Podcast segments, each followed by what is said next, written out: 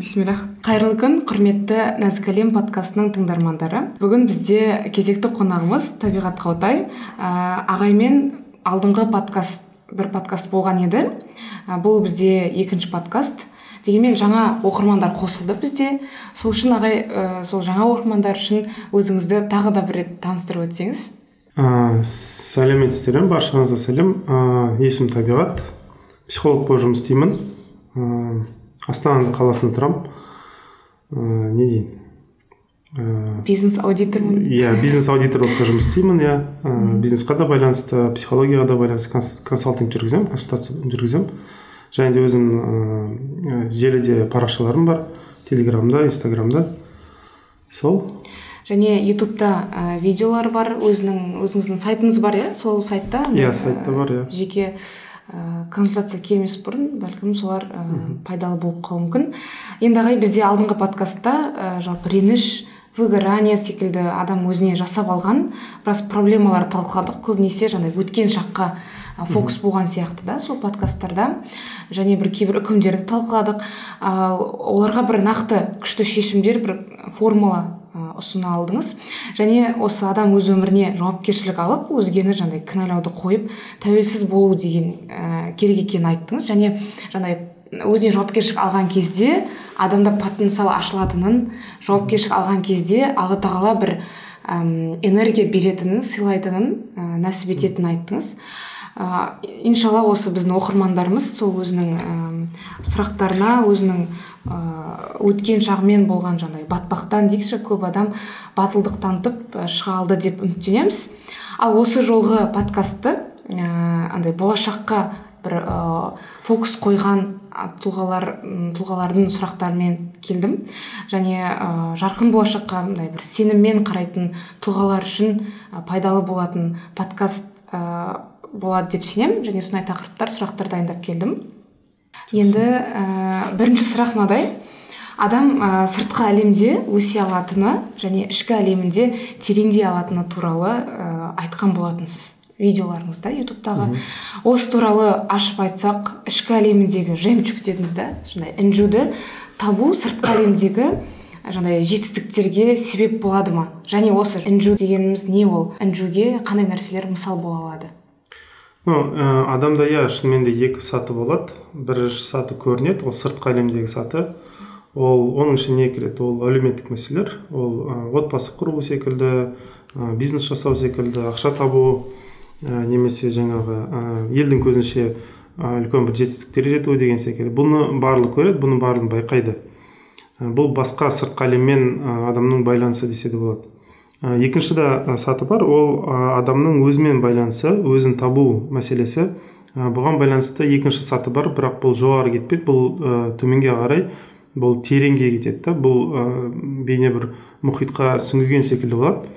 Және де бұл жерде інжу деген мәселе ол адамның құндылықтары адамның өзін табу десе де болады жалпы бұл екі сатыға байланысты сыртқы сатыға не нәрсе әсер етеді. Адамның тәрбиесінде әкесімен байланысы жақсы болса мысалы ә, әкесі белгілі бір андай үлгі ретінде жақсы бір модель поведения дейді ғой былай ә, дұрыс тәрбие беріп кетсе мысалы иә онда ол сыртқы сатын жақсы меңгере алады.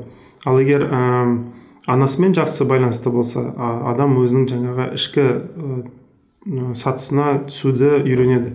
Негізі сырт көп елдің көбісі ә, сыртқы сатымен жүргендіктен жоғарыға ә, тұрмануға тырысады ә, ол ә, оның бір проблемасы бар. Ол жерде иә адам көп нәрсеге жетуі мүмкін бірақ не үшін жеткеніне өзіне жауап бере алмайды да көбіне. И жүгіреді жүгіреді ананы да ә, қамтамасыз етіп мынаны да қамтамасыз етіп бірақ өзін таба алмайды да.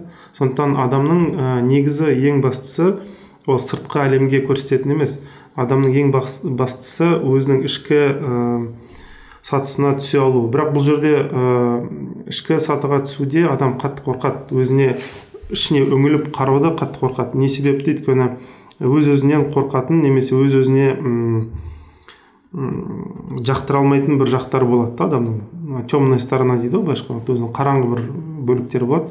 Сол себепті ол адам қорқады. Ол жерге түскісі келмейді өзін танығысы келмейді. Көп нәрсе мойындағысы келмейді. Мысалы көкірегі жермейді деген секілді тағысын тағы ыыы осындай екі саты бар десе де болады. Сонда бізде ә, жемчуг деген ішкі тереңдей түсу өзі. ғой да? Адамның өзі адамның құндылықтары. Ә, көп адамдарда қазіргі таңда осы осы ғасырда дейікші ә, құндылықтардың кризисі бар. Ә, кризис ценностей дейді ғой. ә, адамдар ненің сапалы екенін не, не нәрсеге ұмтылу керек екенін білмейді. Мысалы ақты қара деп біледі ақтан қара деп қашады қараға ақ деп біледі да қараға ақ деп жаңағы ұмтылады да. Мысалы ценность ретінде былай айтайын. Мысалы ұрлау. Ұрлау ә, бір қабілет да мысалы қабілеттен бір ә, жағымсыз қабілет иә мысалы адам бойында көрінеді. Бірақ оны көп адам мысалы ә, дұрыс деп біледі. Егер ұрласам ә, жемқорлықпен айналыссам жағдайымды жасап аламын деген секілді. Бұл ә, құндылықтардың бұзылуы деп саналады. Сол себепті бұл тек қана адамның өзін ғана батырмайды жанындағы адамдарды да батырады ә, жалпы ә, қоршаған ортаға да қатты әсер етеді егер адамдардың құндылықтары дұрыс болатын болса ол м, тек қана өзіне ғана пайда әкелмейді өзгеге де пайда әкелудің жолдарын таба алады да. Бізде құндылықтар дұрыс емес. Бізде мысалы бақыт деген сөздің ашықтамасы мысалы түсіндірмесі қате. Бізде бақыт деп мысалы көп адам былай түсінеді. Басқаларға жағымпаздану ол бақыт деп ойлайды. Мысалы басқалардың қалаушылықтарын қамтамасыз етсем өзім өзімді ұмытып кетсем ә, жаңағы анаған мынаған табынып кетсем ананың ойы маңызды менің ойым маңызсыз мен жай бір адаммын деп қарау да ол да дұрыс емес мысалы. Ә, сөйтіп сенеді да мысалы. Ә, немесе ә, адамдар көбіне материалдық нәрселерде ә, бақыт бар деп санайды да. Иә материалдық нәрселер керек әрине мысалы. Жаңағы тамақ болсын киім болсын жаңағы үй болсын көлік болсын деген сияқты. Бірақ бұны ортаға қою да дұрыс емес та. Центрге дейді ғой былайша айтқан уақытта. Бірақ көп адам соны ә, өкінішке орай қате жасайды да бұны ә, соның артынан көп жүгіреді. Ә, ең жақсы алтын жылдарын соған арнайды да ең соңында жеткен жері тұрып қалады да. Мысалы маған консультация адамдар бір нәрсе бастар алдында келмейді. Көбіне бастап үлкен жетістіктерге жетістіктерге жетіп ақша жасап барлығын жетіп алғаннан кейін ә, тұрып қалған адамдар келеді да көбіне. Түріне қарайсың жағдай да бар анау да бар мынау да бар. Шетелде тұрады мысалы шетелде тұратын біраз адам бар консультация келеді. Ә, вроде барлық жақсы да енді. Шынымен де адамдардың армандайтын барлық нәрсесін жеткен бірақ іші қуыс та ішінде еш нәрсе жоқ. Ә, и өзін таба алмаған да. Не бір күшті жерлерде тұрады не бір күшті нәрселермен айналысады. Бірақ өкінішке мен айтпаймын енді олар жаман адам жоқ жаман емес. Просто кезінде бала кезінде бұларға құндылық ретінде ә, определенный андай белгілі бір мақсаттарды қойған бірақ ол мақсаттардың ішінде адамның өзіне пайдалы ма? Адам өзі соны қалай ма? Балаға ол керек па керек жоқ па деп оны қатты қарамаған. Былайша айтқан айтқан сен балам мынаған жет сен сол кезде күшті боласың анау боласың мынау боласың деп бала да не істеген? Бүкіл жылдарын берген он жыл он бес жыл жиырма жыл берген. Бірақ ең соңында мысалы ә, депрессияға да кіреді да. Бай бола тұра да депрессияға кіреді жағдай бола тұра да депрессияға кіреді. Неліктен өйткені өзін таппаған да. Барлығын істеген иә ата анасынан да істеген анаған да көмектескен мынаған да көмектескен. Бірақ ең соңында бүкіл списоктың ішінде былай тізімнің ішінде көмектеспеген өзі жоқ. иә сол тізімнің ішінде өзі жоқ та.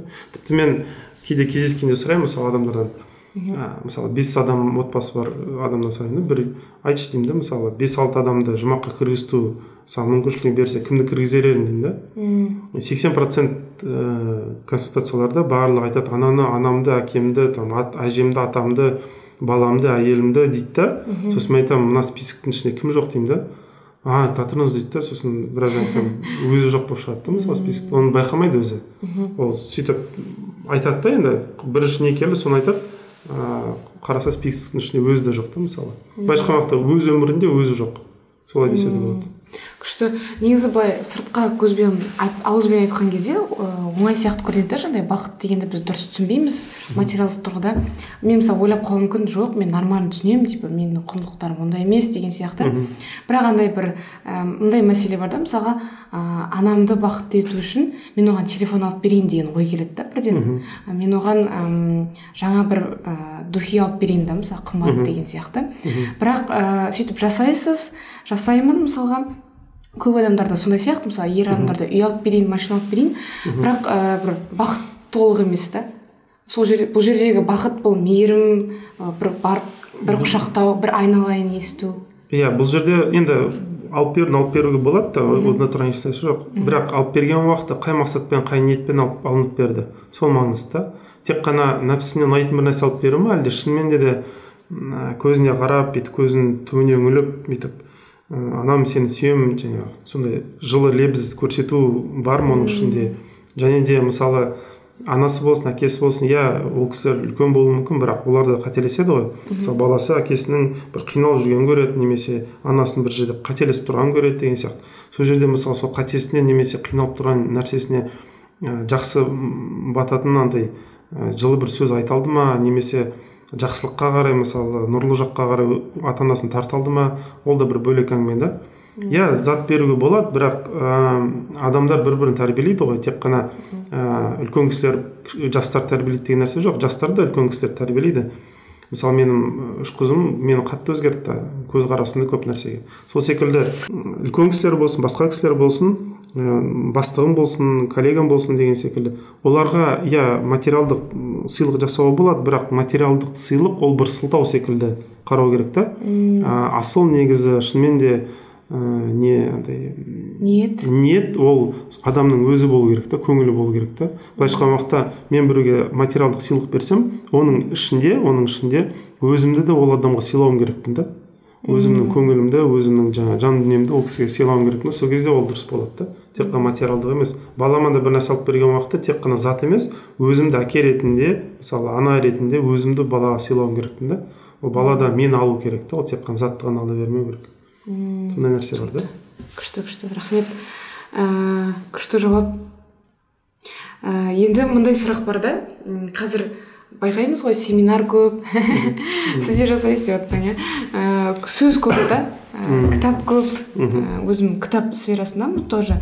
Ә, бірақ әрекет аз сияқты да андай ақылға тойып алған сияқтымыз да. Бірақ әрекетке келген кезде әлсіреп қаламыз. Иә ондай нәрсе бар енді бұл қалай десем екен? Ә, бұл қазір бір нәрсені айтсам қиын бола ма деп тұрмын. Жалпы бұл біздің елімізге сай нәрсе. Сай дегенде еліміздің қазіргі халі сондай. Өсек көп жақсы көреміз. Өсек көп жақсы көреміз. Ыыы ананы мынаны талқылағанды жақсы көреміз. Ә, біз бір нәрсені үйренсек бір талқылау үшін даже тіпті былай да айтайын мысалы діндар адамдар да бар мысалы шынымен де көп нәрсе оқыған діни нәрселерді иә.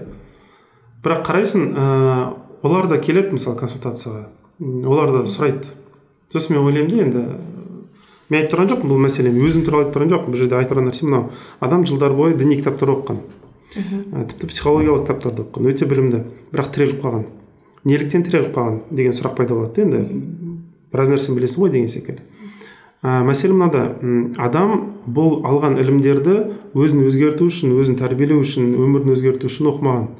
Ол сол ілім арқылы бір дауда бір өсекте бір отырыста біреуді жеңу үшін оқиды. Ә, біреуге андай аргумент айтқан уақытта мен былай жауап беремін деп немесе мына жерде өзімді былай көрсетемін мыналарға өзімді былай қабылдаттырамын деген мақсатпен оқиды да. Ол ілімді өзіне алмаған ол ілімді басқа біреуге передавать былай беру үшін оқыған нәрсе да. Сондықтан ол ілім өзіне сіңбеген. Сіңбегендіктен ол нәрсені қабылдай алмаған анда өзінің өмірінде қолдана алмаған да. Ал егер мына ілім маған керек бастысы маған керек мен өзім өзгертейін кейін одан кейін қалса басқаларына да әсер ете аламын деген оймен оқитын болса онда дұрыс болар еді. Бірақ өкінішке орай қанша адам көремін өте білімді. Ә, дауласқанда күшті иә дауласқанда аргумент бергенде там детальға кіргенде там источниктарды көрсеткенде анда мында енді шынымен де ана ғалымды оқығанмын мына ғалымды оқығанмын прям төгеді енді. Сөзге келген уақытта күшті. Бірақ өзін тәрбиелей алмайды немесе өзін бір баласын тәрбиелей алмайды немесе бір інісін немесе жолдасын жанындағыларды тәрбиелей алмайды да әсер ете алмайды енді былайша айтқан уақытта. бірақ сөзге шебер судан таза жаңағы сүттен аппақ дейді ғой сондай болып шыға келеді. Кез келген ә, ситуацияда кез келген жағдайда еш жеңілмейтін адамдар болады да. Бірақ ә, өмірі быт шыт өмірі быт шыт неге өйткені ә, даудан басқа еш нәрсені былай көздемеген да. Сонда біз ә, бір білім аларда бірінші әуелгі ниет өзіміз иә өзіне алу керек. өйткені бұл неге олай болады? Ол болатын себебі мынандай нәрсе ғой м көп адамдардың ә, жаңағы діндар болсын діндар болмасын көп адамдардың өзіне деген сыйы жоқ. Өз өзін сыйламайды. Өз өзіне деген жаңағы самооценка дейді ғой орысша айтқан уақытта. Өзін сыйламайды өзін қадірлемейді. Қадірлемегендіктен ол ойлайды мен өзім қадірін қалай көтеремін? Басқа біреулерді дауда анда мында жарысып өтсем жеңіп өтсем сол кезде мен қадірім көтеріледі деп ойлайды. Бірақ асыл қадір ол емес қой. Жаратылыстың алдындағы ә, қадірді іздеу ол еш андай маңызды емес. Не себеп десеңіздер мысалы былай бір келтірейін. Мысалы бір адам қайтыс болады иә мысалы жаназада. Жаназаға қатысқан адамдар біледі. Адам жерлегеннен кейін адамдар не істейді? Барады да бір бір жарым сағаттан кейін барады да ас үйге барып ас ішеді. Былай қарасаң адам өліп қалды да мысалы. Адам жерге жерленді иә мысалы. Бірақ адамдар спокойно отырып еще тығылып емес барлығы бірге топпен отырып тамақ ішіп отырады да. Бұл нені білдіреді? Бұл адамның біздің қазіргі ғасырда құнын көрсетеді да. Жаңа адам өлді сен барып спокойно тамақ ішіп отырасың. Иә мысалы жылайсың бәлкім бір нәрселер айтасың. Иә жақсы адам болған еді дүние салды бүйтті сөйтті деген секілді бірақ шынымен де келген уақытта жатқан асыңнан да аспайды да ол адамға деген құрметің. Бізде де сондаймыз. Біз қайтыс болғаннан кейін де бір бір жарым сағаттан басқалар да отырып тамақ ішіп отырады. Бұл әлемнің қазіргі ә, былайша айтқан уақытта біздің еліміздің де бір келбеті болып кетті да ешкім қатты бүйтіп қайғыра қоймайды енді бұл нені білдіреді? Бұл ә, жаратылыстың алдында қанша жерден тырпынсаңыз да бір нәрсе істеуге тырыссаңыз да ертең сіз қайтқаннан кейін олар еш қиналмай тамақ ішіп отыратын адамдар болады. Сондықтан олардың алдында жалпақтап олармен дауды жеңейін бүйтейін сөйтейін олар бір нәрсені дәлелдейін деген ол қаншалықты маңызды деп ойлаймын да бір жағынан. Және де басқа нәрсе де бар. Енді ол жаратылыстың алдындағы мысалы неміз жағдайымыз. А енді жаратушының алдындағы жағдайымыз қандай мысалы жаратушының алдындағы жағдай ол маңызды ма? Иә ол маңызды. Неге? Себебі жаратылыс келеді кетеді. Бірақ жаратушы мәңгі болады да жаратушы мәңгі болғандықтан оның алдындағы жағдайыңызды дұрыстап алсаңыз онда әрине ә, бұл жағдайыңыз мәңгілік болады да былайша айтқан уақытта андай сізді ешкім ұмытпайды да сізді ешкім жаңағы нетпейді да андай ә, жауып кетпейді да мынау келді кетті емес мәңгілік болып сақталып қалады да ондай адамның мысалы. Есімі де орны да бөлек болады ол кейін жұмақта да өзге не алады деген сияқты. Сондықтан адамдар көп адамдар қазіргі адамдар өздерін қатты қадірлемейді. Өзін қадірлімін деп санамайды. Иә мақтанады өзіне эгоист болады анау мынау. Бірақ шынымен де келген уақытта өзін еш қадірлемейді. Қадірлемегендіктен ә, басқалардың алдында жаратылыстың алдында өзінше болуға тырысады бірақ өз әлеміне келген уақытта өзіне мына ілім пайдалы өмірімді өзгертейін ең бірінші барлық жаратылыстың ішінде өзіме пайдалы болсын деп өзін өйтіп пайдалы нәрсе істеуге тырыспайды. Былайша айтқанда өзін сыйламайды да сүймейді да бірақ көп мақтанады анау мынау деген секілді тәттінің бәрін алуға тырысады бірақ шын мәнінде келген уақытта өзін еш қадірлемейді сол сондай бір проблема бар да. Иә негізі анау эгоизмнің ә, түп тамыры да өзін сыйламағаннан шығатын сияқты. Өзін сыйлай алмайды да сосын окей деп ә, басқаларға жүгіріп бастайды ма? Енді эгоизм деген ол не нәрсе? Эгоизм деген м жаратылу жаратылыстың жаратушымен байланысы үзілсе ол эгоизм бола бастайды. Ол ә, мысалы әлемге адам қараған уақытта әлемнің ә, негізі әлемнің ядро дейді ғой былайша айтқан уақытта. Түп тамыры не деп сұраған уақытта кім деп сұраған уақытта жаратушы деген жауап шықпаса онда ол сол түп нәрсеге өзін салып қоюға тырысады да. Сондықтан екі әлем бар. Андай орыстар айтады богоцентричный эгоцентричный. То есть құдайдың ортаға салынған әлемі бар. Ә, және де ә, Адам адамның өзін ортаға салып қоятын бір әлем болады да. Ағай мындай сұрақ қояйыншы ә, жаңағы сіз айтып жатсыз ғой бірінші адам өзіне пайдалы болуы керек ол нәрсе кітап оқылса да өзі үшін алдымен пайдалы болу керек деген yeah. Иә. сияқты енді қараңызшы еще альтруизм деген нәрсе бар да исламның бір әм, бір несі деп қалай ұраны дейік па альтруизм яғни yeah. Иә. ә, басқалар өмір сүру үшін өмір сүру yeah. Иә. жить чтобы другие жили деген yeah. сияқты осының ара жігін ә, бір тағы бір түсіндіріп жібере аласыз ба мынандай нәрсе қараңыздар мен жаңа айтқан нәрсе мынау ә, өзі үш жағдай бар. Үш жағдай деген уақытта адам жаратылыстың ә, мақтанышын іздейді мысалы. Эгоист жаратылыстың мақтанышын іздейді. Ол бір бөлек екінші топ адамдар бар мен жаңа айтқаным ол өзінің өзіне пайдалы нәрсені іздейтін адамдар. Пайдалы деген уақытта ә, мына алған ілімін маған пайдалы болсын деп өзінің рухына тоқитын адамдар. Өзін тұлға ретінде дамытатын адамдар. Және үшінші адамдар бар. Бұлар уже жаңағы екінші топ адамның ішінен шығады да өзін дамытқаннан кейін белгілі бір жерге жеткеннен кейін одан кейін өзінен де бас тартады. Өзінен қалай бас тартады? Андай мағынада бас тартпайды. Ей сен онша емессің деп өзіне жоқ олар уже андай алланы ойлайды да өзін емес енді алланы ойлай бастайды. Вот жаңағы альтруизм деген сол мәселе. Өзі үш нәрсе бар жаңағы қайтадан қайталайын. Бірінші эгоизм. эгоизм жаратылыстың алдында жалтақтау. Екіншісі жаңағы өзін сыйлау өзін дамыту өзін нету андай жетілдіру. Одан кейін белгілі бір дәрежеге осы екінші топ жеткеннен кейін бұлар уже өзінен де бас тарта бастайды. Олар не істейді? Олар жаңағы жаратушының несін ойлайды? Да былайша айтқан уақытта мына эгоисттер онда жарат- екеу бар десек болады ғой. Ал Ә. альтруизм ол жаңағы екінші топтың бір хай левел дейді да иә солай десе де болады. бірақ ол жерде хай левел деп қана айтуға болмайды. Өйткені екінші топта адамдар не істеді? Адам өзін ортаға қойды өзін дамытуға тырысты. бірақ бұл жерде өзінен тыс кетеді ол өзінен уақыт өткеннен кейін былай өзінен сұрай бастайды. Мен мысалы өзім дамытып жатырмын дамытып жатырмын дамытып жатырмын бірақ бұның барлығының ішінде маған қалған не бар? Раббымнан жаратушыдан келген не бар дейді да. Сөйтіп сараптайтын болса өзінде қалатын еш нәрсе жоқ екенін біледі да. Содан кейін не істейді? Мені бір дариядан Ал- алланың жаратқан дариясынан былайша айтқан уақытта бір тамшы екен дейді да. Сол тамшыны сол дарияға қайтадан қайтарып береді да.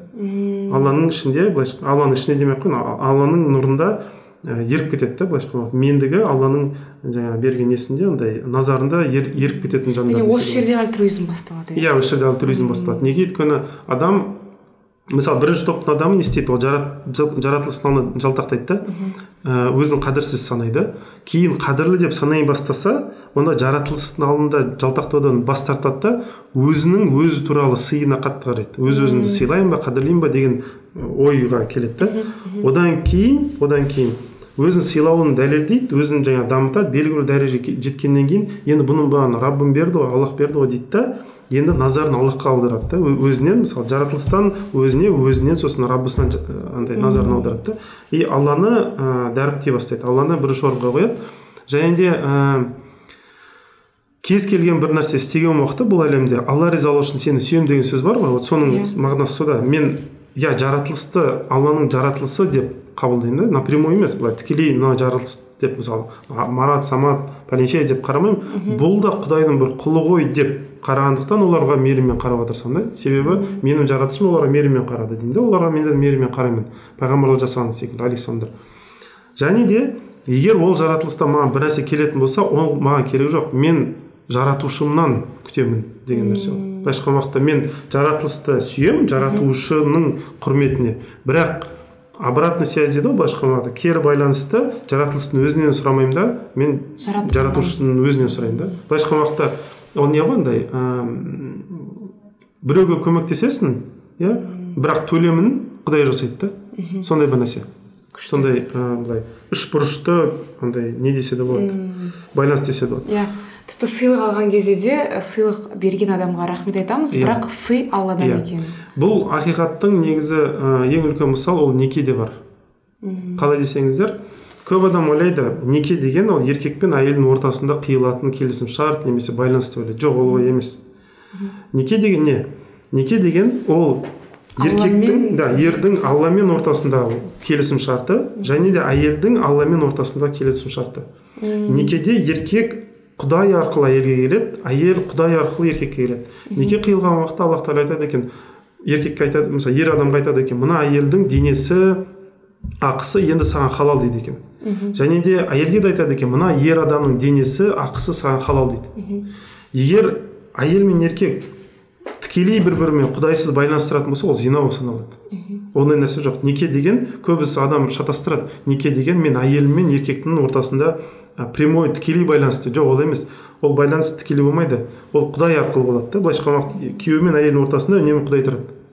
Сондай нәрсе бар да. Иә иә иә. Сонда былай емес па мысалы адам некелессе құдай арқылы некелесіп тұр ғой. Иә. демек ә, неке құдайға бір табан жақындатады. Иә сондай нәрсе. Бір екіншісінде мынандай нәрсе бар. Мен мысалы әйелімді сүйсем әйелімнен күтпеуім керекпін. Андай ә, қалай десем екен. Внимание дейді ғой ана ана- иә нені? иә. Фидбэк иә ондай нәрсені күтпеуім керек та сезімді оны аллах тағала береді маған. Сол секілді әйелім де менен күтпейді. Оған аллах тағала береді да былайша айтқан уақытта әйелімді маған сүйкімді қылып аллах тағала көрсетеді. Әйелім мен мені сүйкімді қылып Алла- аллах тағала көрсетеді. Солай болады да. Адамдар керісінше тікелей өзі сол әйелдің ішіне сүйкімділік іздеуге тырысады ол қате. Неге өйткені мен тек қана құдайсыз оған қарайтын болсам ол да бір пенде ғой. Оның бір денесі да өзі да былай ә, қартаяды басқа нәрсе болады иә жастық шақ кетеді деген сияқты. Менде де сөйтіп қартаямын деген секілді. Өйтіп қарайтын болсам онда адамдарда андай махаббат сезімі қалады өшеді да ол денеге байланған ол адамның тұлғаның өзіне байланғандықтан фәни болғандықтан тұлға ол кетеді. Нәпсани болып кетеді иә ал неке деген ол мәңгілікке жалғасатын нәрсе да ол. Өйткені осы дүниедегі дұрыс нетілген соңына дейін жеткізілген неке ол дүниеде де жұмақта да сақталады мысалы. Не себепті? Өйткені оны сақтайтын біз емес біз сақтай алмаймыз. Оны сақтайтын аллах тағала осы дүниеден ол дүниеге сол келісімшартты алып баратын аллах тағаланың әмірі ғана да. Сондықтан ә, дұрыс түсіну керек. Екі жаратылыс бір бірімен тікелей байланысатын болса ол қате. Олай істеуге болмайды ол олар ортасында үнемі тұру керек. Сол кезде ғана дұрыс байланыс болады да араларында күшті. Және ә, неке серті мәңгілік дейсіз ғой да? Және неке алла Иә, тағалаға бір, таб, иә. бір табан жақындатады иә сол себепті мысалы адамдар ажырасқан уақытта аллах тағаланың рұқсат еткен ә, әрекеттердің іштерінде ең ұсқынсызы болып саналатыны ол ажырасу. Неліктен ә, негізінде еркек пен әйел ажырасып жатқан жоқ. Ол жерде құдай мен е- ер адам ажырасып жатыр. Әйел құдаймен ажырасып жатыр. Неге өйткені бір біріне серт берді ғой? Ол құдайға серт берді. Мен жаңа мына сенің құлыңа дұрыс қарайтын боламын. Әйел сөйтіп сөз береді да. И құдай да оған айтады онда оның денесі де ақысы да саған халал дейді. Сол секілді ер адам да құдайға айтады аллахым мен мына сенің жаратылысыңа аманат ретінде қараймын ие боламын орнына дұрыс сақтаймын қараймын дейді да. Сонда алла тағала оған айтады онда оның денесі де ақысы да саған халал дейді да. Сөйтіп жүргізеді мәселе яғни алла тағаламен сертті бұзуға рұқсат рұқсат сұрау ғой жалпы ажырасу. Ажырасу деген иә алла тағаламен адамның ортасында. Адамдар көбіне ойлайды анау әйелім жаман немесе күйеуім жаман дейді да араласады ажырасады да. Ол дұрыс емес. Ортада құдайды көрмегендіктен ажырасып кетеді да. А негізі мынандай нәрсені түсіну керек. Ортада құдай тұр. И менің келісім бұл еркекпен немесе бұл әйелмен болған жоқ. Менің келісімім алла тағаламен болған деп. Егер мен ажырассам сол алламен келісімімді жыртып жатырмын деген мағынаны түсіну керек та ол. мхм. Ағай сіз жаңа ажырасу туралы айтып кеттік қой. Тіпті ажырасқан күннің өзінде де ә, неке серті мәңгілік болып қалатын сияқты. Себебі ана дүниеде де ә, бір уақыт болды ғой олар бірге. Сол уақытта сұралады демек. Ол- ана дүниеде де ажырасса да ер Иә. адам жауапты болып қалады. Емес па иә? Ол жауап жауапкершіліктен әрине еш- ешкім қашып кете алмайды. Бірақ неке ретінде мына әйелдің өзі оған уже халал болып саналмайды. Ол немесе мына ер адам оған халал болып сақталмайды.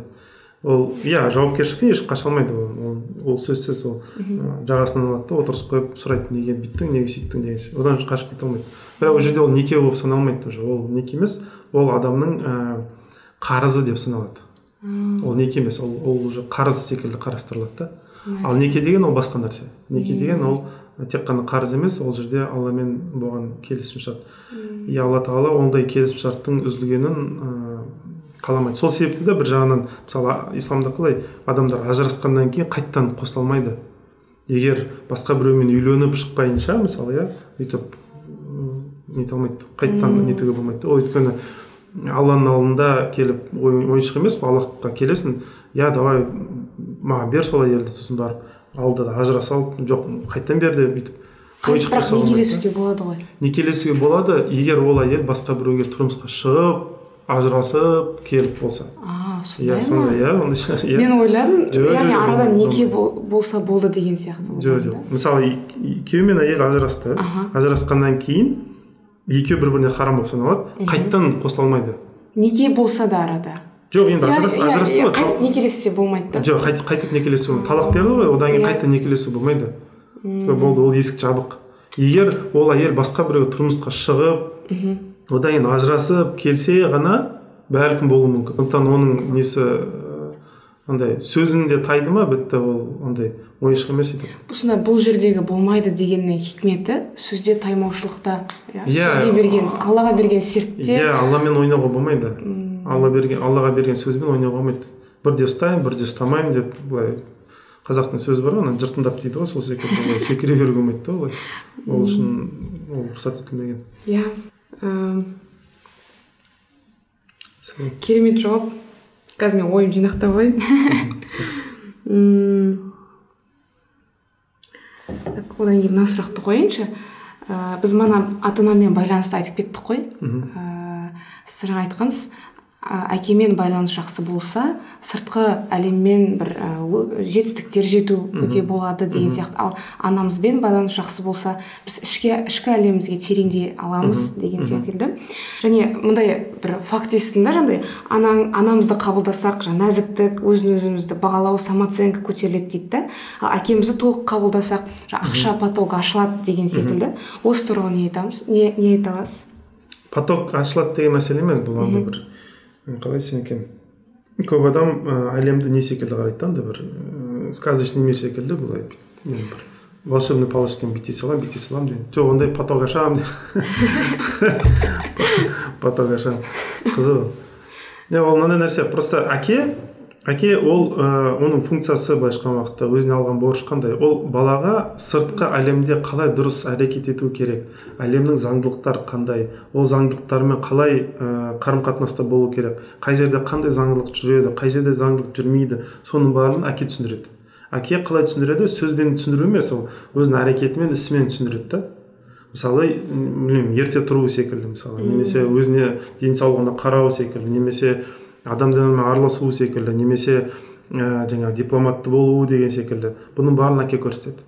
Ана жағы келетін болса ана да көрсете алады ғой. Ана да көрсетеді бірақ ана сыртқы әлеммен қатты байланысты болмайды әке секілді. Мысалы былай айтайын.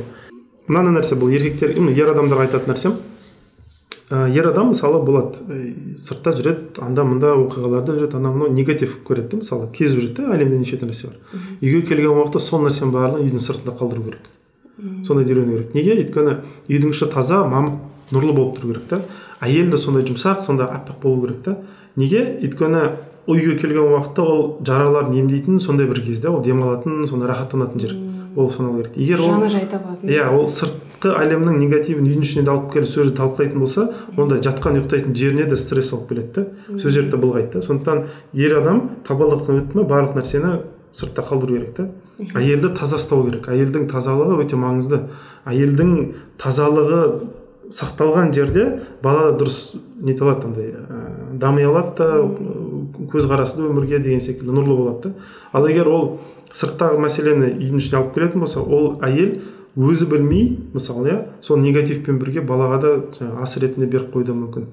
И ол бала да соны ана сүтінен ә, меңгеріп алса жаман болады. Мысалы мынандай нәрсе айтайын самооценка осы жерде иә? Иә мысалы мынандай нәрсе айтайын. Еркектер айтады ер адамдар хабарласады да мысалы консультация кезінде. Әйелім тыңдамай тағы бір нәрсе анау мынау не істеуге болады? деген секілді. Сосын мен айтамын да қарашы деймін жарайды сен әйеліңді не істегің келіп тұр? Көнгенін қалайсың? Хорошо көнгенін қалайсың? Оны көнгіш болғанын қалайсың жарайды көнгіш бол ал ойлаймын мысалы сол көнгіш әйел саған бір бала туды ұл бала туды иә? Ұл баланы батыр болғанын қалайсың ба? Иә қалаймын онда көнгіш әйелдің сүтін емген бала батыр бола ма или көнгіш бола ма деген сұрап сұрасам а деп қалады да сондықтан егер балаң батыр боламын десе десең онда әйеліңнен көнгіш бол деп сағын сындырып бүйтіп езген ол дұрыс емес. Әйелің де андай өзінің ойы болу керек дара бір түсінетін бір түйсігі болу керек ол да өзінің жаңағы ойын айта алу керек оны да тыңдай алу керексің. Бұл өте маңызды. Әйтпесе оны бас бас безіп безіп көнгіш қылып тастасаң одан сосын барып батыр тумады деп тағы ренжісең ол дұрыс емес та сондықтан ер адам төбелессе сыртта төбелессін үйдің ішінде емес. Ол бір нәзік әйелмен төбелесіп ол білмеймін енді позор ғой ол. Сондықтан енді в общем солай да. Сондықтан үйдің іші таза болған дұрыс үйге лас нәрсені әкелмеген дұрыс. Сыртта арыстан болсын бірақ үйдің ішінде жай ғана бір мысық болып жүрсе де оның өзі жаман нәрсе емес. Әйел заты да сыртта жеңіп жүргенін көрсе күйеуінің үйдің ішінде өйтіп миын жей қоймайды. Просто ол сыртта жеңілгенін көргеннен кейін сосын барып ойлайды да мынау слишком басылып кетіпті ғой деген секілді. Сондықтан в общем солай. Күшті. Жаңа сіз тазалық деп айтып қалдыңыз ғой сол кезде. Мен бұрын тек қана андай бір дәретпен жүру деген сияқты бір форматта ше түсінетін едім да сөйтсем бұл ә, әйел адам тазалығы деген негатив ойлардан иә. өкпе реніштен иә. Ой болсын сезім болсын өткен шаққа немесе келесі шаққа байланысты қорқыныштары болсын бұның барлығынан ә, таза ұсталуы керек әйелдің бұл өте маңызды. Иә. Сонда отбасы үшін қорқу деген нәрсе болмау керек дейсіз ғой да отбасы үшін қорқу деген уақытта иә ә, қорқыныш болады. Ол не емес андай жоқ болуы мүмкін емес оны иә, иә. жүз жүз пайыз. Бірақ бір нәрсені де білу керек та. Ә, ризықты беретін алла тағала сондықтан ә, қорғайтын алла тағала да. И егер шынымен де ажалы келсе ешкім оны тоқтата алмайды. Ал егер ажал келмесе ешкім ажалды алып келе алмайды да. Оны да құл білу керек та. Сондықтан құдайға сенімін ұмытпау керек. Мхм күшті. Ә, негізі жаңағы жеке даму ә, тақырыбында ә, негізгі жаңағыдай өзегі сол тақырып бола ма деп едім. бірақ андай отбасыға ә, келіп тіреліп жатыр да. Сол үшін мындай сұрақ келіп қалып тұр. Ә, қазір адамдар бұрын мысалы ерте үйлену деген күшті еді да. Барлығы мысалы ата анамыз мысалға менің мамам ә, папа 25-те болғанда үйленген мама. 22 ең арасы үш жас. Айтады біз кеш үйлендік деп айтып жатыр да. Бірақ ең мысалға кеш емес ерте болған сияқты да. Қазіргі андай шамалы бар. Айырмашылық бұрын мысалы өте ерте үйленген қазір өте кеш.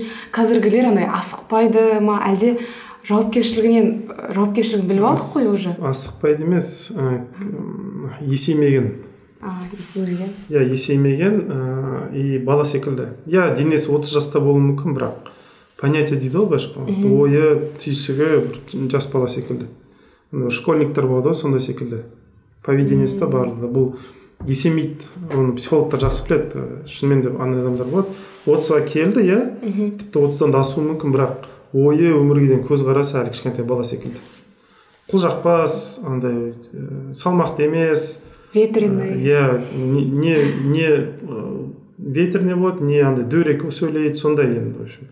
Ешқандай тәлім тәрбие не бір адамгершілік көрмеген секілді ма сондай бір нәрсе болады да. Ә, отбасыны құра алмаудың ең үлкен бір факторы ол қорқақтық. Қорқақтық ә, есеймегендіктен ол кішкентай бала секілді қорқады да. Қорыққандықтан жаңағы алға қадам баса алмайды да. Ол содан болатын нәрсе. Бұрын ерте үйленудің енді факторлар көп болды бірақ мынандай нәрсе де бар. Бұрынғы уақытта ә, ерте үйлене алу әлдеқайда оңайырақ еді. Себебі оң солын түсіндіріп бере алатын дана адамдар да бар еді да. Ал қазір мысалы адамдар өзін көп іздейді. отызға шейін таба алмайды да. Енді ойлаңыздар мысалы орта жасы алпыс алпыс бес десек мысалы адам Иә. жартысы өмір өтіп кеткен әлі иә шашырап жүр да әлі өзін іздеп жүр да. Әлі өзін таппаған.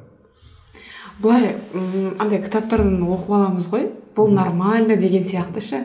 Ә, мен бұрын ойлаған бұл керісінше бір жақсы жағын көруге тырыстым ба? Ә, жауапкершілікті көбірек сезінеді бұрынғыларға қарағанда деген жоқ нормально деген уақытта ол смотря қандай норма ол мысалы қазір ешкімге не емес құпия емес батыстың нормалары бізге әсер етеді да мысалы. Иә. батыста иә ол жаңағы қыдырып ал көріп ал өмірге жалғыз бір ақ рет қана келдің ғой ананы тәмін тат мынаны тәмін тат дейді да мысалы. Мен көрдім шетелде тұрдым адамдарды көрдім. Не өзгеге не өзіне еш пайдасы жоқ бір жануар секілді да. Ә, андай ә, қалай айтсам екен? Иә денесі адамдікі болуы мүмкін. Бірақ еш пайдасы жоқ та адам жанына отырасың тіпті ә, түрі түрі нормально болуы мүмкін енді былайша айтқан уақытта. Бірақ аузын ашты ма түсінесің да қандай адам екенін. И ондай адамнан еш аларың да жоқ. Ол саған еш пайда да бере алмайды қиын қыстау кезде де пайда бере алмайды қуанышың толы адаммен қатты бөлісе алмайсың. Сондай бір м, ана бір хадис бар пайғамбар саллаллаху алейхи айтатын. Соңғы уақытта дейді ақыр заманға жақын уақытта ол сөзбе сөз емес аудармасы енді жақын уақытта андай адамдар көп болады дейді. Не бар ғой мынау? Ә, дәнді аршисыз ғой дәннің а- Иә. ашыған уақыт сыртында қалбыр қалып қояды ғой иә андай. Иә бір шелуха дейді ғой орыстар. немесе ана шемішке дейді ғой мысалы пістенің мысалы сырты Сырты, иә иә. сондай секілді ешкімге пайдасы жоқ сондай адамдар саны көп болады дейді да былайша айтқан уақытта аллах тағаланың көзінде еш маңыздылығы жоқ. Андай бір ііі қалай десем екен? Ну бар не ол жоқ не ол еш орны да жоқ маңызы да жоқ андай бір. Жүрген біреу в общем сондай адам. Бірақ адам дейміз енді. Иә жалпы. Но адам деген мағына кіре ме білмеймін енді ол жағын. Әркім өз несі жаңағы біз айтқан айттық қой бізде адамның ә, даму несін даму емес қалай айтуға болады бірінші эгоизмнен өтеді одан кейін өзін сыйлауды құрметтеуді ол оның ә, сәл алға қарай деңгейі ал, алдыңғы деңгейі альтруизм деген секілді. Иә. а вот отбасын құру деген осы альтруизмге келетін секілді шамалы. Иә иә келеді. Ә, өйткені ә, некенің өзінде уже айтылады да сенің ә, жауабыңды әйелің емес күйеуің емес мен беремін дейді да алла тағала. То есть андай жаңағы қалай қалай береді ол қалай көрінеді? Алла ерлі зайыпты ерлі зайыптылар бір біріне сүйкімді қылып көрсетеді. Немесе тапқан табысын берекетті қылып алып келеді. Немесе ә, балаларын өте андай сыпайы қылып береді мысалы. Сондай алып береді да сол кезде адамдар еш қатты қиналмай отбасын құра алады да. Өйткені алла тағала қамтамасыз етіп жатыр да. Ал егер өзім істеймін өзіме деп сенсе ол баласына да ие болу қиын күйеуіне әйеліне де ие болу қиын. В общем сондай нәрсе да. Мен мынандай нәрсе айтайын енді бұл мақтаныш емес но мысалы көп еркектер өзінің ә, сотовый телефон дейді ғой. Соны әйелінің жанында қалдыра алмайды. Көп еркектер. Мхм. Қалдыра алмайды өйткені қорқады. Ішіне кіріп ватсабымды оқып қояды бүйтіп қояды сөйтіп қояды. Ватсапта не болуы мүмкін? Енді өзінің а, приключениялар болуы мүмкін да ішінде. Ана мынаған жазған. Сондықтан өте білмеймін мен мысалы қанша еркек көремін. Көбісі соткасын әйелінің жанында қалдыра алмайды неге өйткені толықтай әйелі мені қабылдай алады деп ойламайды. Неге өйткені өзі де әйелін толықтай қабылдамаған да. Енді әр адамның өз андай көлеңке жағы болады ғой. Темная сторона дейді ғой қараңғы жағы болады ғой. Сол қараңғы жағымды қабылдай ма қабылдамай ма қорқады. Мысалы білмеймін. Түсініксіз де болып жатыр шамалы маған. Допустим ә, еркектің бір слабости болуы мүмкін иә мысалы? Ә, там қыздарға жазып қояды бүйтіп қояды сөйтіп қояды деген секілді. Отбасын құрса да ма? Құрса да иә и содан қорқады. Мысалы әйелім біліп қойса мен ана қызбен жазып жүргенді дейді да мысалы телефон көрсетпеуге тырысады М, қабылдаудан қорқу деген сонда әйел сонда қабылдау керек па не ондай нәрсе жоқ вот в том то и дело то что ол қалай ойлайды мына әйел мені қабылдамайды мен де оны қабылдамаймын деген секілді бір біріне қашып тығылып жүреді да. Қате екеуі бір отбасы жасады. Неге өйткені бір біріне қараған уақытта ол бір бірін ғана көреді. Ал егер ортада алла тұрса ғой жаңағы неке секілді алла тұрса ғой ол кезде басқаша болар еді. Ол кезде ол түсінер еді менің байланысым әйелмен емес алламен. Алламен. Әйелім қараған уақытта көріп қояды деп тығылу ол бір бөлек бірақ алла тағала үнемі қарап тұрады ғой. Мм. Түсіндіре алдым ба? Мхм. Былайша айтқан уақытта иә әйелің көрмеді жарайды соткаңда не бар екен көрмеді дейік. Бірақ алла көріп тұр ғой. Егер әйелің сенің құдайың болса онда иә әйеліңнен тығылып жүресің жаңағы соткаңда бірақ егер құдайың сенің алла болса онда сен түсінесің что қай жерге барсаң да бәрібір көрінеді ол нәрсе. Бәрі алла тағала біліп тұрады. Сондықтан сенің байланысың алламен м, әйелмен емес. Мхм сондықтан ол өзіне дұрыс қарауға тырысады нетеді да андай? Иә күшті. Ал мындайша мысалға м, көбісі ойлайды да әсіресе қыздар көбінесе ойлауы мүмкін. Ә, мысалы тұрмысқа тұрмыс құру мысалға белгілі бір де- деңгейде шектейтін сияқты да. Сен уже үйге ертерек қайту керексің деген сияқты. Бірақ жаңа әңгімелесіп отырмыз ғой керісінше шектеулердің бәрін ысыратын секілді. Ол мынандай нәрсе ә, адамды жалпы адам өзі ә, сондай бір жаратылыс оны күштеп жұмаққа кіргізе алмайсыз. Күштеп жұмаққа кіргізе алмайсыз. Ол адам сондай бір не ол ә, по своему кіргенді жақсы көреді по своему жүргенді жақсы көретін жаратылыс та. Иә. сондықтан иә жұмақ қалып баратын немесе өте өзінің жеке бір жұмағы осы неде кішкентай бір жеке бір жұмағы болуы мүмкін отбасын әрбір әйел болсын еркек болсын нете қоймайды андай құра қоймайды.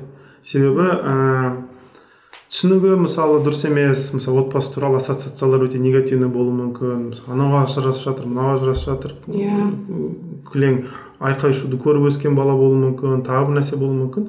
Сондықтан ол ойлайды мен ә, ондай нәрсе жасамай ақ қояйыншы деген секілді сондай нәрсе кіріспей ақ қояйыншы деп нетеді да? бір. Екіншісі ә, шектеу деп неге ойлайды? Ә, жанұя құру деген не ол? Жанұя құру деген ол совместный проект дейді ғой. Бір орта әркімнің өзінің бір ә, несін андай үлесін қосатын бір бір жоба ол. М, ол жерде ә, мен жалғыз өзімді ғана ойлайын деген нәрсе жоқ та. Иә жалғыз өзің жүрсін қаласаң жүре бер енді. Но ә, егер шынымен де отбасы құрамын десең ол жерде мен деген нәрсе кетеді мен деген нәрсе ериді да. Ол жерде біз деген нәрсе пайда болады. Ол шектеу емес ол шектеу деп қараса адам иә онда не нете алмайды тұрмыс құра алмайды. Ол шектеу емес ол добровольный ә, өз іштен жасалатын нәрсе. Өйткені некенің өз шарттары бар ғой. Адам көңілмен келіп иә деп айту керек та мысалы. Жігіт болсын қыз болсын.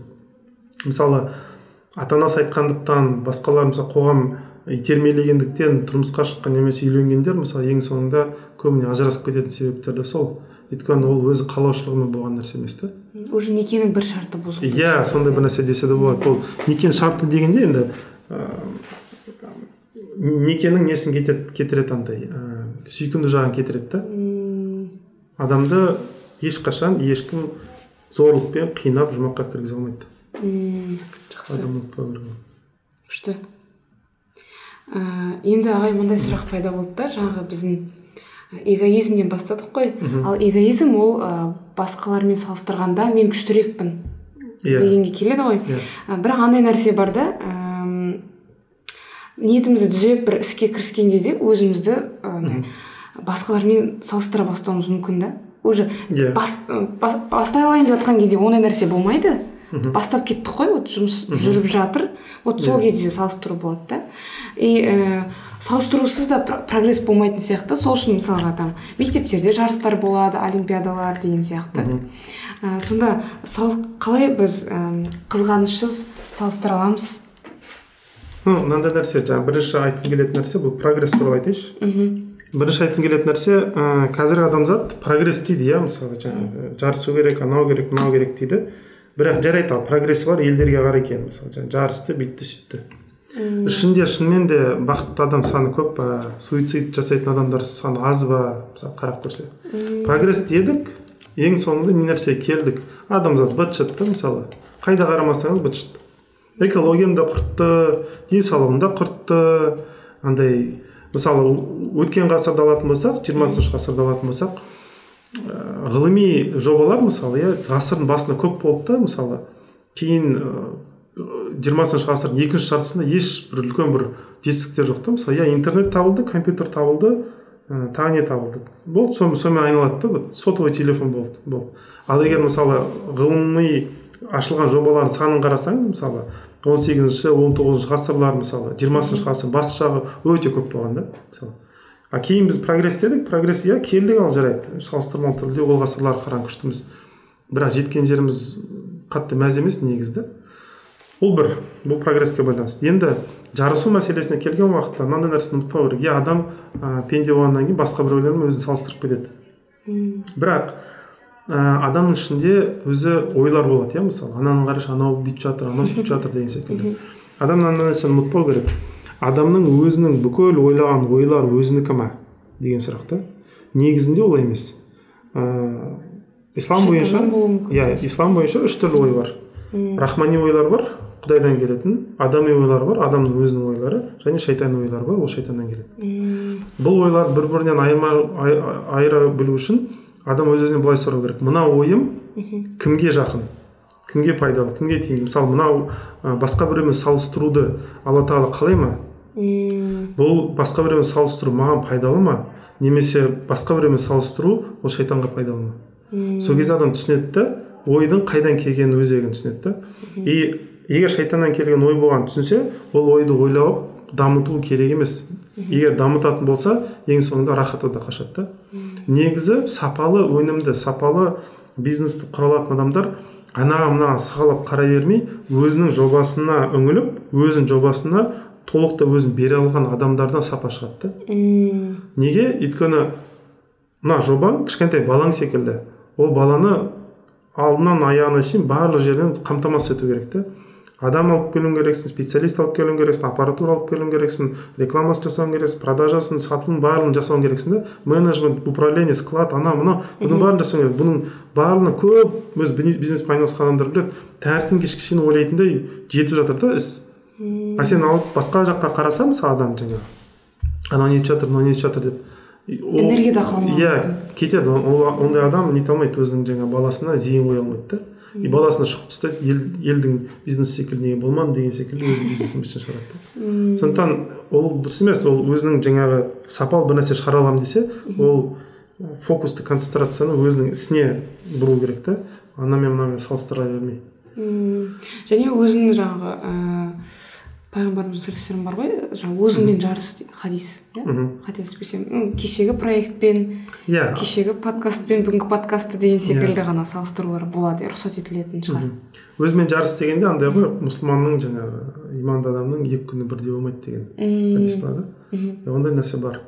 Қызығуға болады тек қана м байлығын алла ризалығы үшін жұмсаған адамдарды көрсе және де ілімін алла ризалығы үшін жұмсаған адамды көрсе олар қызығуға болады. Бірақ қызғанып емес. Қызығуға болады. Иә осындай болайын осыларға ұқсауға тырысайын деп талпыну бірақ неге ода бар неге менде жоқ деп өйтіп істеген ол дұрыс емес. Ол адамды тайдырады.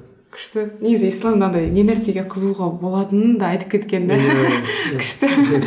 Ал мысалға мындай мынаған қызығуға болмай ма? Біреудің мысалы түрі әдемі болса бір қыздың ол көз тию болып кетеді. Ал көз тию кете ма? Иә ол көз көз тиеді ол жақсы нәрсе а платье красивое десе тоже? Вот содан ғой небір сұлу қыз бар бірақ ішкі дүниесі мәз емес та. Жоқ иногда типа комплимент айтамыз ғой солай қызыққан. Енді комплимент айтқан уақытта ол комплимент ішінде оны әсемдеген безендірген алла тағала ғой адам емес қой өзі. А, сондықтан ә, машаллах деген сол дұрыс ақ болады да. А, жақсы. мхм. Ә, енді мындай сұрақ қойсам біз бағана айтып кеттік қой өзімізді өзімізбен өзіміз жарыссақ деген сияқты. Әм, және бизнес туралы бір сөз бастап кеттік. Ә, қазір андай индивидуализм дейді ғой көп айтылатын заманда адамдар арасында бөліну пайда болуы мүмкін да. Ә, бірақ андай бірігіп жұмыс істеудің командамен жұмыс істеудің өзіндік берекеті бар да. Ә, және мындай сұрақ командамен жұмыс істеуде әм, қандай принциптар ұстану керек? Мысалы тіпті отбасының өзі бір ортақ ә, жоба дедіңіз ғой. Осындай командада қандай ұстанымдар бар?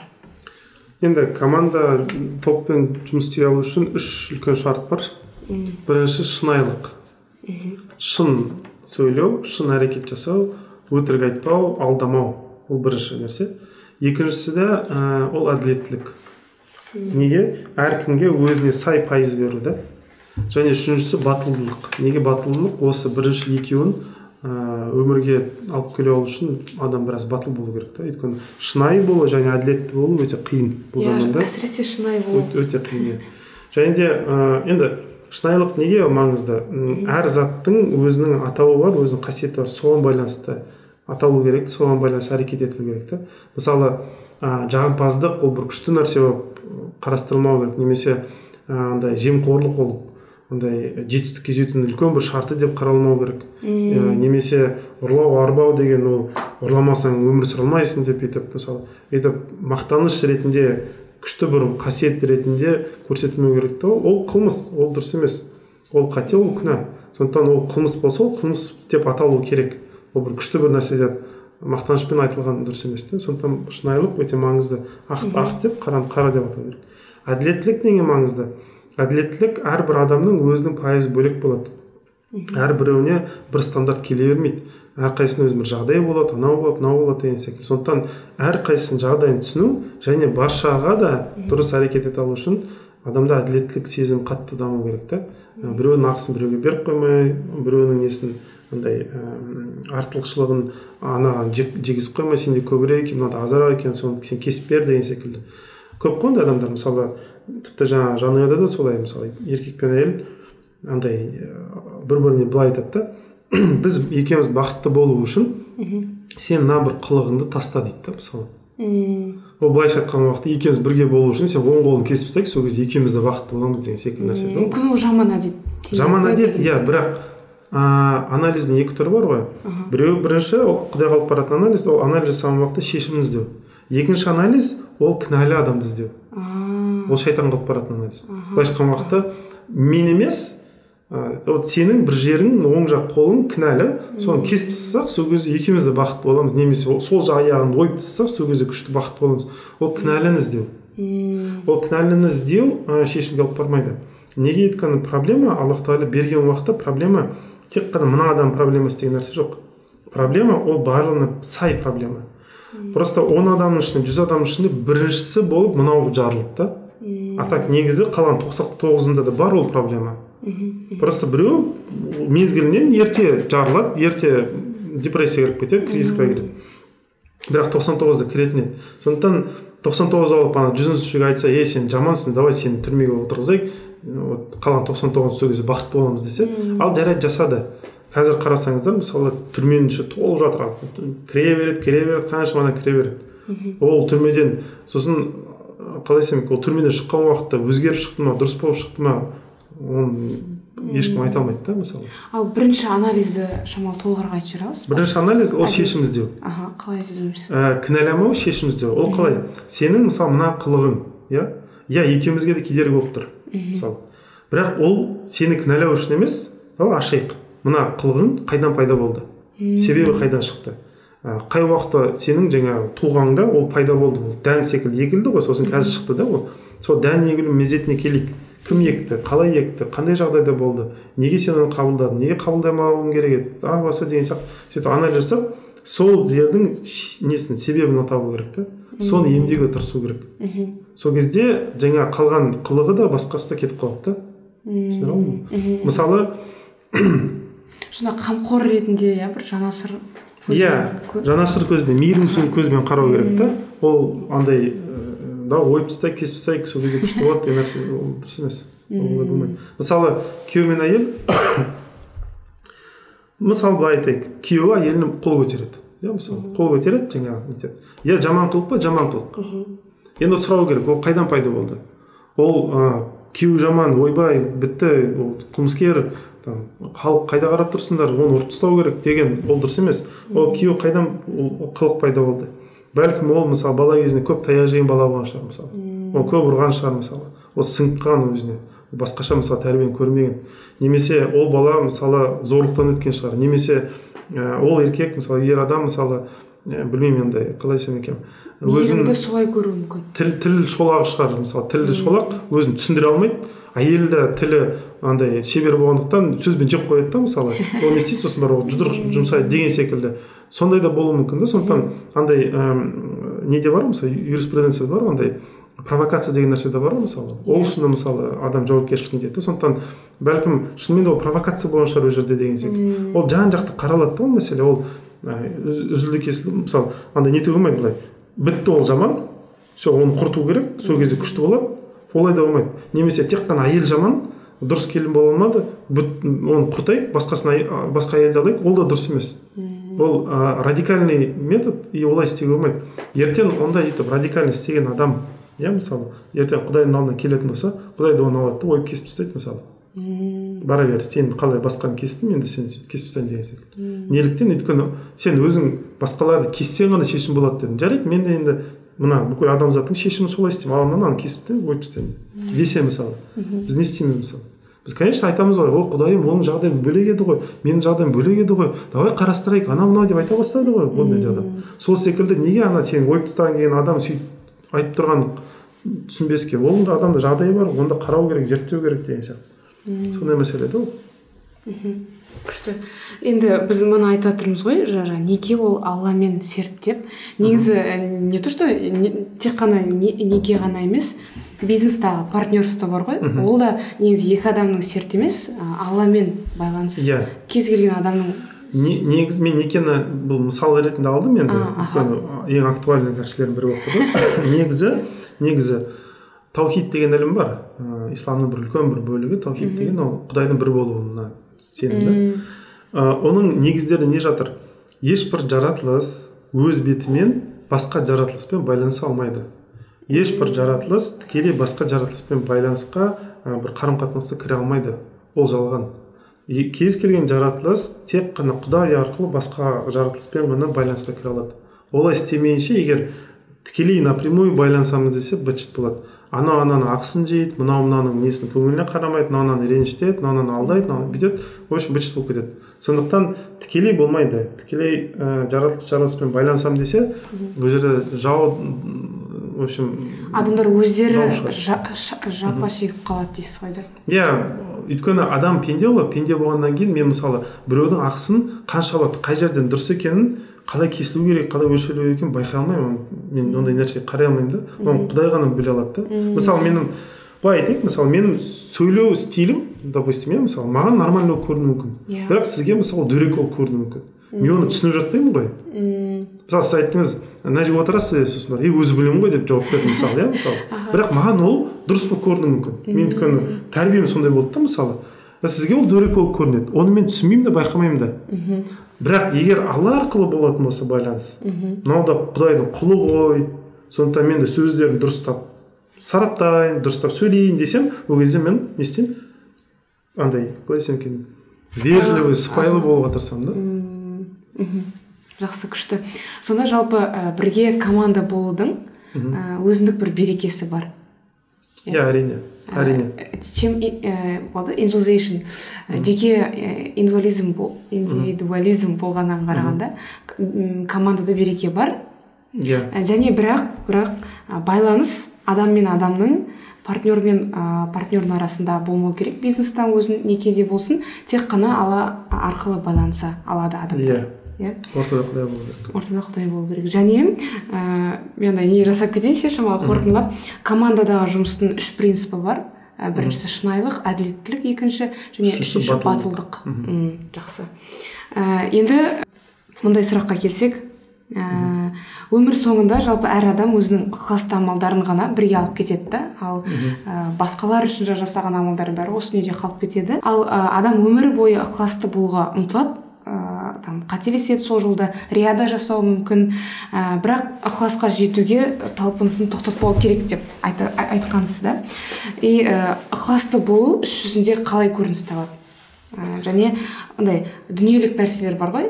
Байлық мансап деген нәрселерге нығметтерге дейінші соларға алданбай түзу ниеттен айнымас үшін нені ескеру керек? Ықыласты ол былай ғой ә, рахметті құдайдан емес жаратылыстан күтсе ол кезде ықылас кетеді. Ықылас деген ол құдайдың өзі мені қалай айтсам екен? Осы әрекетім үшін қабылдай ма? Құдайға ол ұнай ма? деген сұрақ болса ол кезде ықылас болуы мүмкін. Ә, жалпы былай айтайыншы енді бұл жаңағы тыңдармандарға айтар мысалы нәрсе. Ә, мынандай нәрсе болған. Тарихта бұл ислам тарихында болған нәрсе. Ә, мұсылмандар мұхаджирлар сосын ансарлар деп екіге бөлінген. Мұхаджир деген жаңағы меккеден мединеге көшкендер ал ансар деген жаңағы мединеде жаңағы меккеліктерді қарсы алған кісілер. Ә, бұл халықтардың өзінің бір психологиясы. Меккеліктер саудагер болған бұлар андай алтынға анда мынаға қатты қарайды да мысалы. Мединеліктер олар жер жыртумен айналысқан. Бұлар біраз қарапайымдылау сондай халық болып келеді да. Бұлар біраз салмақты сондай не. Енді мұхаджирлардың біразы исламға кіру мақсатында пайғамбар саллаллаху алейхи оларға не істейді? Жаңағы ә, заттай сыйлықтар береді. Мысалы айтады саған пәленше қой берсем жаңағы түйе берсем допустим ислам қабылдайсың ба? деген секілді сондай нәрселер болады да. Өйткені адам андай исламға дейін бай болып тұрғанда кейін исламға келіп жаңағы бүкіл дүниемнен жүр қалам ба деп сол иә сөйтіп қорқады да мысалы. И пайғамбар оларға сондай бір андай протекция секілді бір не берген андай кәмілдік берген да кепілдік берген да былайша айтқан уақытта бірақ мынандай нәрсе де айту керек ол кісілер жаңағы иә пайғамбар саллаллаху берген сыйлықтарды қабылдайды бірақ исламға жүрегі сынғаннан кейін ә, калиманы келтіргеннен кейін ля дегеннен кейін ә, сол берілген заттарды таратып жібереді екен. Сондай қызық нәрсе болған да иә алуын алды. Бірақ в итоге сол заттарды алланың ризалығы үшін түсінгеннен кейін жүрегіне отырғаннан кейін алады да садақа ретінде зекет ретінде таратып жібереді екен. Сонда былай қарасаңыз вроде бы иә берілді иә. Бірақ оның қолында қалған жоқ. Алла тағаланың не жазған несімен тағдырымен бәрі сол кедейлерге таратылды да мысалы. Былай қарасаңыз и сол кезде мынандай бір оқиға болып қалады. Ансарлар қалай десем екен араларынан мынандай бір ой пайда болады. Мұхаджирларға көп берді. Көңілі сол жаққа ауды деген секілді. Сондай не болады да. Сол кезде пайғамбар саллаллаху алейхи вассалам алады да ансарлардың бәрін бір жерге жинаңдар бұл жерде бір де мұхаджир болмасын дейді да жаңағы тек қана ансарларды жинайды жинағаннан кейін олармен жаңағы айтатын әңгімесі болады да. Мен оларға бердім дейді бірақ дейді менің көңілім сендермен дейді да. Қалайсыңдар ма сендермен? Менің ә, көңілім болған дейді да. И ансарлар сол кезде жаңағы біраз андай сезімге нетіп толқып жаңағы иә дейді да мысалы. Сол секілді ә, тыңдармандарға айтар нәрсем сіздер әртүрлі ата, анаңызға болсын жаңағы жұбайларыңызға болсын жаңағы күйеулеріңізге болсын балаларыңызға әртүрлі нәрсе жасайсыздар. Бірақ бұл нәрсені жасап жатқан уақытта ойлаңыздаршы мысалы сіздерге сіз бір жақсылық жасап мысалы ыдыс жуып жатсыз иә нәрсе істеп жатсыз и көшенің бір көше емес жаңағы бөлменің бір бұрышында мысалы пайғамбар саллаллаху отырса и сізге қарап отырса. Иә мысалы. Ә, немесе ә, сіз барып балаңызға бір көмектестіңіз мысалы. Ә, алла тағаланың періштелері сізге қарап тұрса мысалы. Немесе жаңа ата анаңызға барып бір ә, қызметте неттіңіз да сол кезде пайғамбар саллаллаху күлімсіреп бүйтіп қарап сізді көріп тұрса мысалы. Ықылас деген сол. Ықылас деген солай әрекет ету десе де болады. То есть мен мысалы ата анама әйеліме балама көмектесіп жатыр емес. Осылар көмектесіп жатып пайғамбар саллаллаху алейхи вассалам көше ә, жаңағы отырған бөлменің бір бұрышында отырып мені көріп тұр секілді әрекет етсем сол ықылас десе де болады. Күшті. Түсіндіре алдым былайша айтқан уақытта ә, ол мені көріп тұр ғой деген секілді. Өйткені ә, шынымен де пайғамбар саллаллаху алейhi салауат келтірілсе нетсе жаңағы сәлемін қайтарады екен. Бір салауатқа мысалы он салауатпен жаңағы қайтарады да. Сондықтан ықылас деген ол мен кімге көмектестім? Оның маған рахмет балам деп айтқаны емес сол кісі көмектесіп жатып артында тұрған пайғамбар саллаллаху вассалам көру. Көру. Немесе алла тағаланың маған түсіп тұрған назарын көру.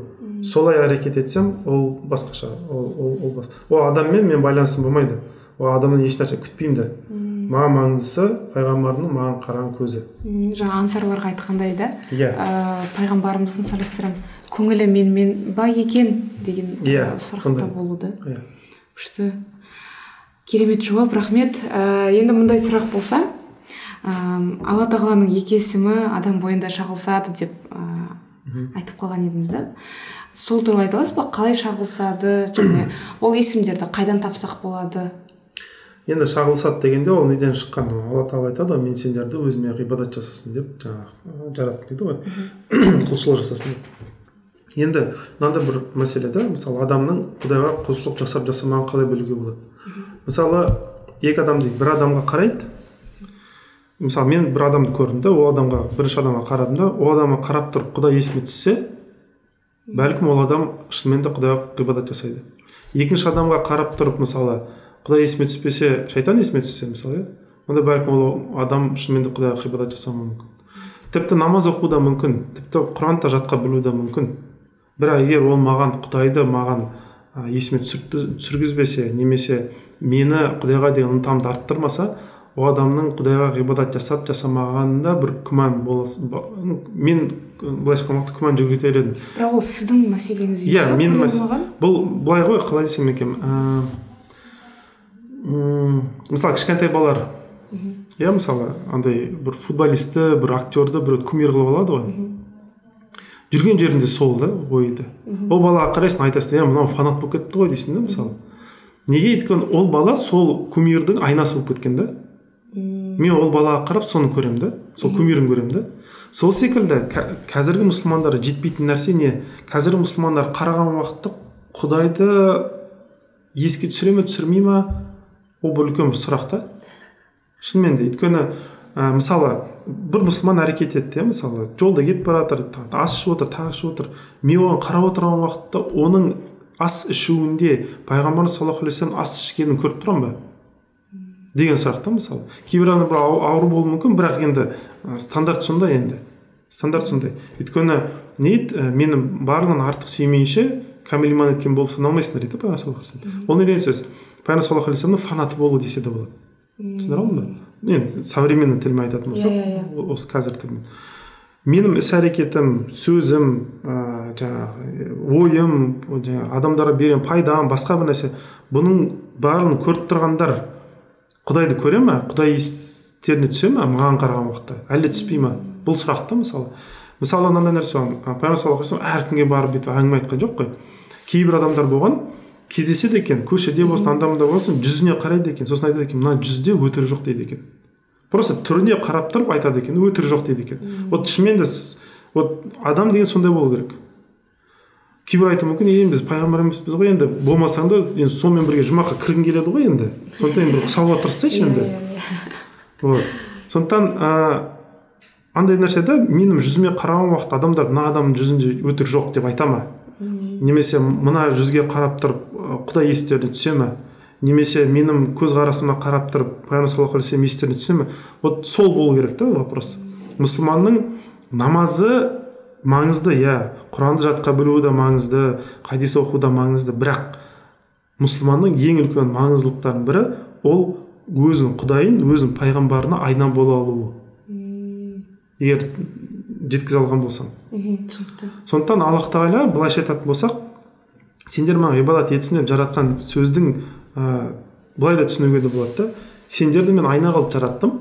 Сендерге қарағанда өзімді көргім келді түсіндіре алдым ба? Сендерге қарағанда өзімді көргім келді сондықтан сендер мені маған көрсетіңдер.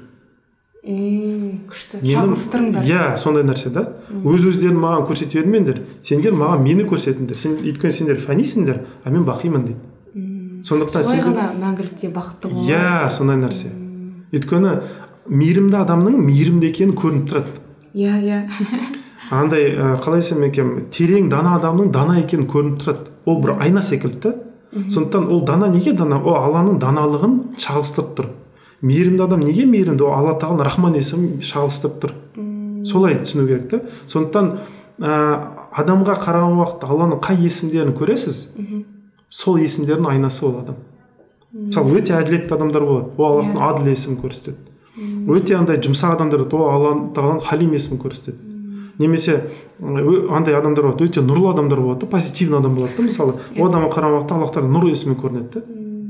Сондай нәрсе да сондықтан ә, бұл есімдер алланікі бірақ біз оны айна секілді көрсете аламыз. Іс әрекетімізде анда мында бірақ мына жерде пенде болғандықтан кейін көп адам сол есім менікі сол қабілет менікі дейді өзін жабыстырып алады. Мен мейірімдімін мен әділеттімін менмін дейді да мысалы. Ол дұрыс емес. Ол уже ширк ол қате.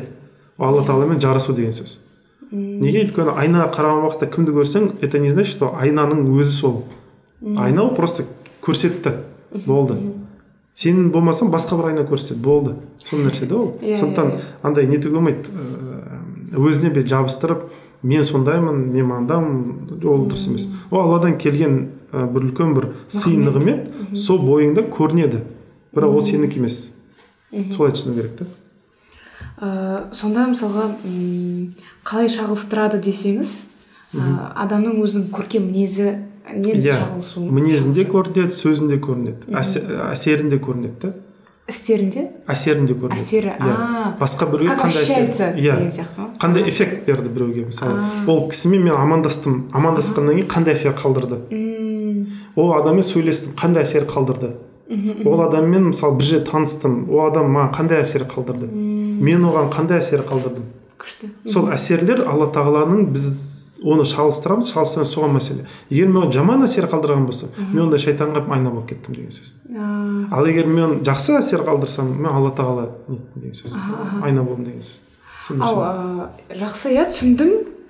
Керемет жауап бірақ мындай нәрсе қалып қойды да мысалы кейде ә, негатив бір ә, комментарийлер жазуы мүмкін. Ә, сізде сізге де кейде жазып жатады. Өте сирек бірақ. Сол кезде бір уайым болып қалады ғой сонда. Мен Қандай? сонда мен сонда дұрыс шағылыстыра алмай жатырмын ба? Менен сонда алла тағала көрмей жатыр ма? Ол ол менің басқа біреуге немді алла тағаланың өзі береді. А. Несін андай қалай айтсам екен менің уайым емес болу керек. Иә ол менің мәселем. Иә мен өзімнің қала өзіме қалай десем екен ожданыммен тілдесуім керекпін. Алла тағаланың алдында жай намаздың алдында отырып сөйлесуім керекпін. Бірақ ол адамның қабылдап тұру менің ісім емес. Шағылыстыра аламын бірақ қабылдап тұру менің ісім емес. Мхм. сонда ә, жаман ә, негатив жаңағыдай ойларға комментарийлерге қатты бас қатыра беру. Мен оларды оқимын қай себеппен оқимын? Сол адам ә, өзі екі түрлі жаман комментарийдің өзі екі ниеті болады. Біреуі адам өзі іші жарасы бар індеті бар да проблемасы бар да. Ол да сөйтіп жаза салды. Ондай адамға көмектесу мақсатында. Мына жерін мына жерін нетсең деген секілді потому что оны алла тағала маған алып келді. Да сол проблемасымен.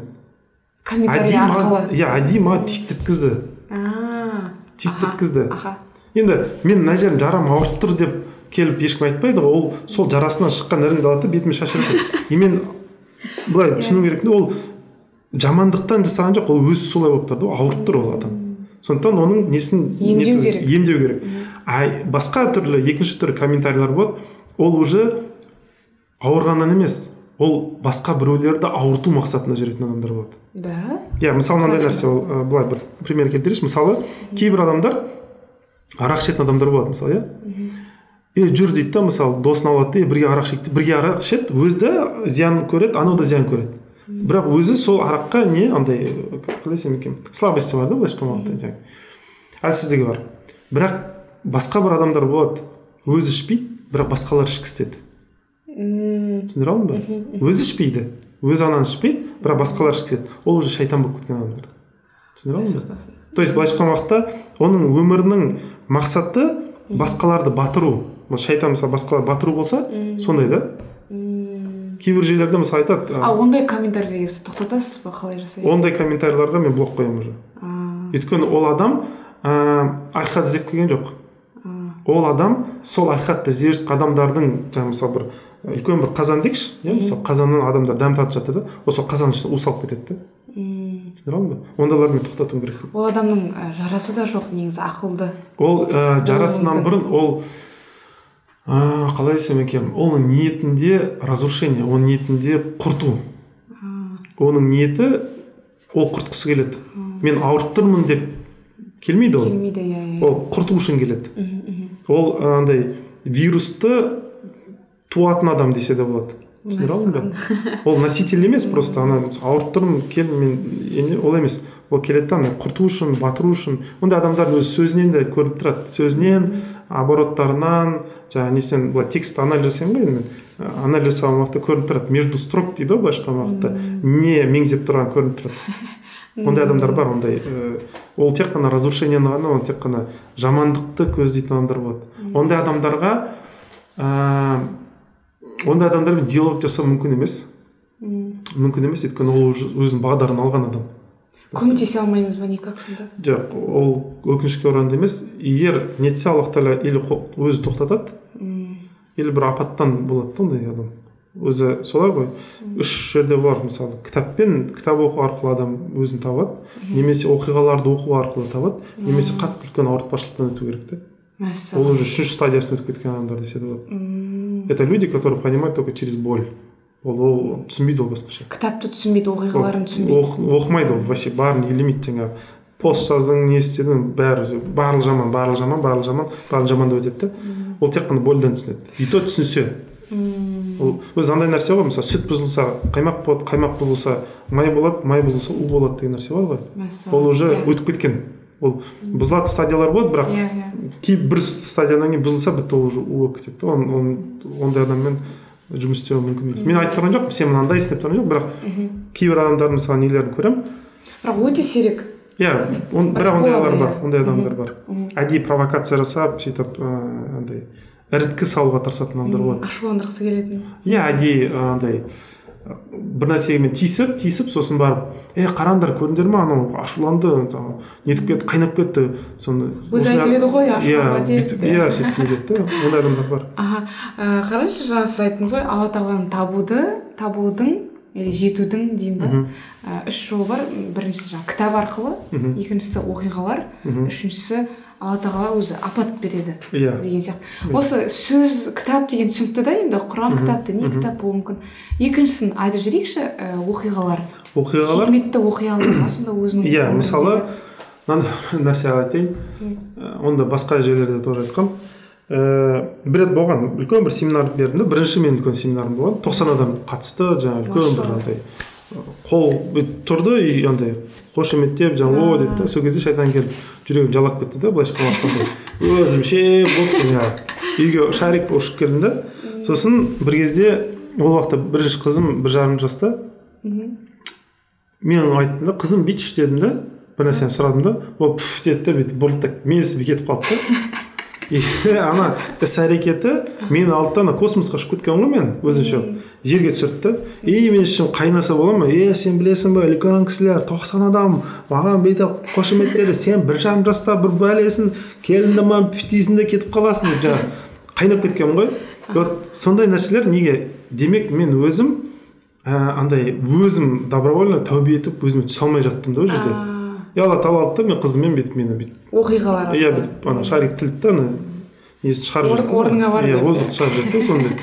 Вот сондай оқиғаларды сөйтіп дұрыс оқу керек та өйткені мысалы балаларым мен тына алмай жатсам үшін ойлаймын да құдайым скорее всего мен бір жерде сен тына алмай жат скорее всего емес точно мен сен бір жерде тына алмай жатырмын кішкентай мысалы балам тұрады да өзінше болып тұрады да тына алмайды во первых бір.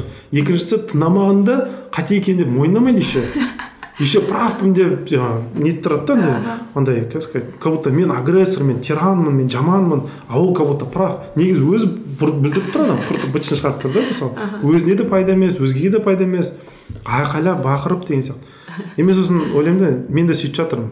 Мен өзімше правпын деп бір нәрсені сындыруға тырысып жатырмын құртуға тырысып жатырмын. Еще и құдайды да тиран секілді ойлаймын да мысалы. Түсіндіре алдым ба вот сол мәселе аллах тағала миниатюра андай бір скетч секілді алдыма бүйтіп сценка секілді көрсетті. И соның ішінде мен өзім түсінуім керекпін да неге олай болған сондықтан оқиғаларды оқу деген сол мәселе даналық ізден. Әр ә, істен даналық іздеу Иә. дейсіз ғой да? Иә. Күшті. Ә, мындай сұрақ қойғым келіп тұр. Келесі сұрақ. Сіз андай жұмыс арасында сапалы демалыс жасап тұратын кісілер андай әлдеқайда тиімді болады ғой. Келесі жұмысқа бір жақсы ә, деммен келеді жақсы леппен келеді деген сияқты. Ә, енді осы жұмыс пен демалыс балансы қандай болу керек? Және сапалы демалыс дегеніміз не нәрсе соны айтып кетсеңіз жұмыс енді қалай айтсам екен ыыы, былай айтайын көп адамдарда жұмысқа деген отношение дұрыс емес. Сексен может тоқсан адамдардың көбісі адамзаттың бір проблемасы. Адамдар көбісі ұнатпайтын жұмыс істейді да. Ұнатпайды қаламайды амалсыздан істейді. Ақша керек тағы бір нәрсе деген сияқты. Сол себепті өзін зорлап қинап істеткізгендіктен күйіп кетеді. Жұмыстың егер сізге жадыңызға нететін ұнайтын көңіліңізге отыратын сондай бір жұмыс істесеңіз иә шаршайсыз. Бірақ құртылмайсыз. Түсіндіре алдым ба? Былайша айтқан уақытта андай внутренний повреждение дейді ғой былайша айтқан андай іштей жаралар ашылмайды да ол жұмыстан кейін. Ал ұнатпайтын жұмыс істесеңіз һәм шаршайсыз һәм жарақаттанасыз.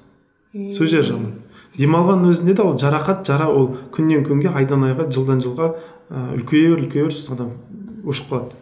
Сондықтан жақсы көретін істе адам иә шаршайды бірақ жарақат алмайды.